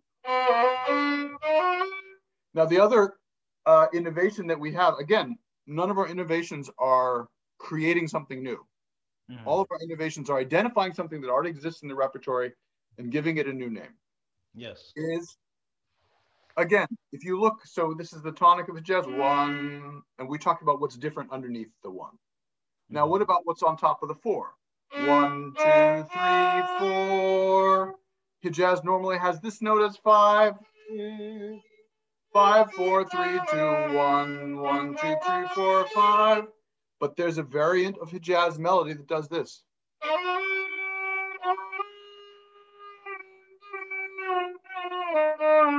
One, two, three, four, five. So this version of Hijaz that has a flat five, we called Hijaz Murassa, Mhm. which Johnny came up with that name because it's similar to the the uh, Mhm. Nahawan Murassa, which is Nahawan with a raised with a lowered five. Mhm. But both these, so these two Ejnas, Mhm.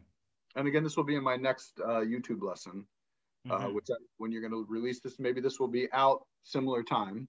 These Yeah. two different versions of Hijaz would not look like different Ejnas Mhm. if you use the traditional theory. Mhm. But if you use the theory the way that we talk about it, which is where we're thinking about melodic direction, we're thinking about notes outside of the basic area of the scale, right? Then you identify them. So let me just play the three in a row quickly, one by one, so you can hear that they're three different melodic entities. So this is Jins Hijaz as a, and I'll just play like 15 seconds of Jins Hijaz.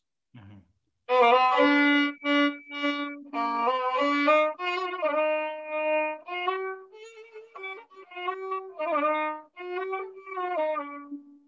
Okay.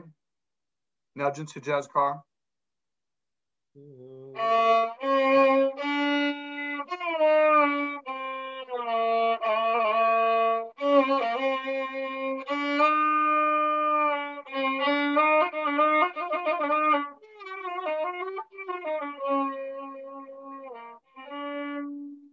then Hijaz Murassa.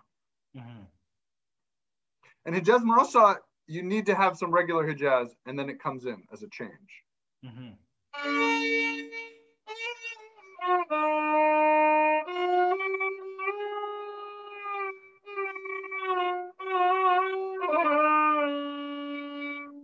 was this that brings the Hijaz and also You hear the change. Normal Hijaz.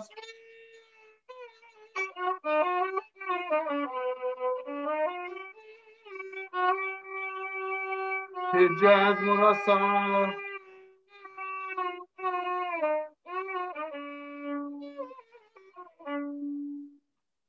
That's Thanks. uh, Yeah. That makes it very clear, actually. And I don't know how much time do you have? Oh, we should probably go in a few minutes. I think we should wrap. It's long Okay. already. But I think you want to talk to us for another interview. I'm pretty sure. For sure. You know, I'm kind of- I need Yeah. Johnny, we would like to take some uh, rhythms if you would like to illustrate something from the book, please. simple- simple version of wahda is this.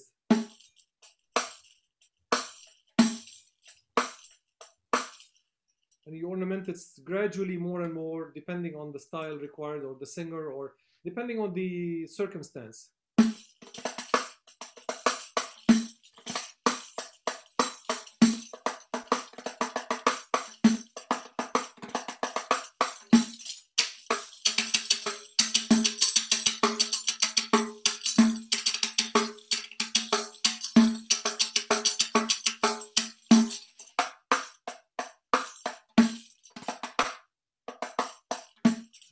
break it down.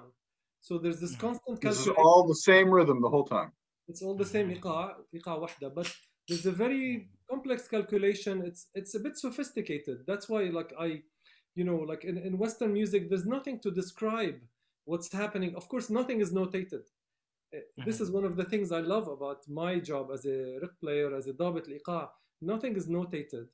Even mm-hmm. like the choice of iqa is not 100% prescribed. Sometimes we can judge هلا I need I need to modulate to مثلا uh, some different إيقاع or a few measures I need to change it even within the same إيقاع choice there's so many ways you can play it you can play it simple you can ornament it more there can be an interplay between the different percussionists depending on what like they they role play some somebody keeps it constant somebody ornaments vice versa we can lift it up together and I can I can I can single-handedly lift the mood uh, of the of the song or of the performer of the audience just with this simple instrument. I'll give you an example. Like if we're going. Uh,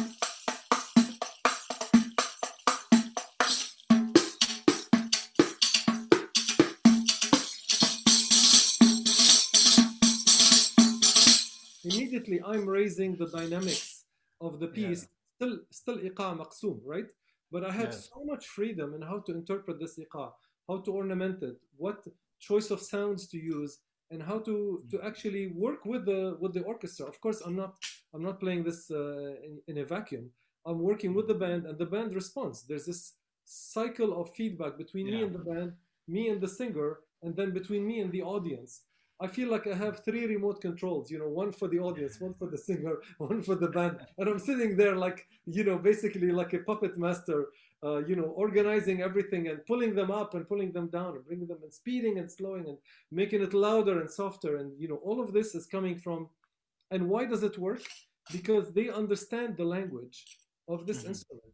Because everybody's been trained, because because they listen, because they listen to Hassan Anwar, because they listen to uh, Brahim Al Afifi, because they listen to Muhammad Al Arabi, because they listen to Adil Shamsuddin, because they know that this is the language and everybody, there's this expectations.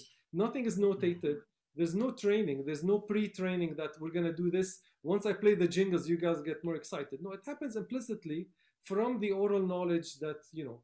Uh, you know, Mm. so obviously to to write about all this, to write the chapter of the iqa, I didn't read any books about Mm. it. I don't have references because that's not how I learned. That's not Yeah. how the next person is like when I give lessons on the. They're gonna learn it from me, and I learned it from other people, and we'll propagate it, you know, orally. So again, I Mm. guess I'm making a case always for like not Yeah. reading, not reading notation, but uh, this is- Interesting. This is, why you can't notate this. You can't know. Mm. But What are you gonna notate on the on the iqa? If you think notating the the ornamentation on the violin is limiting, notating it on iqa is impossible. Impossible to do that. I'll have like Yeah. handcuffs on my hands, you know. So Yeah. Johnny, uh, Johnny, thank you very much actually for for the example, and this is really interesting.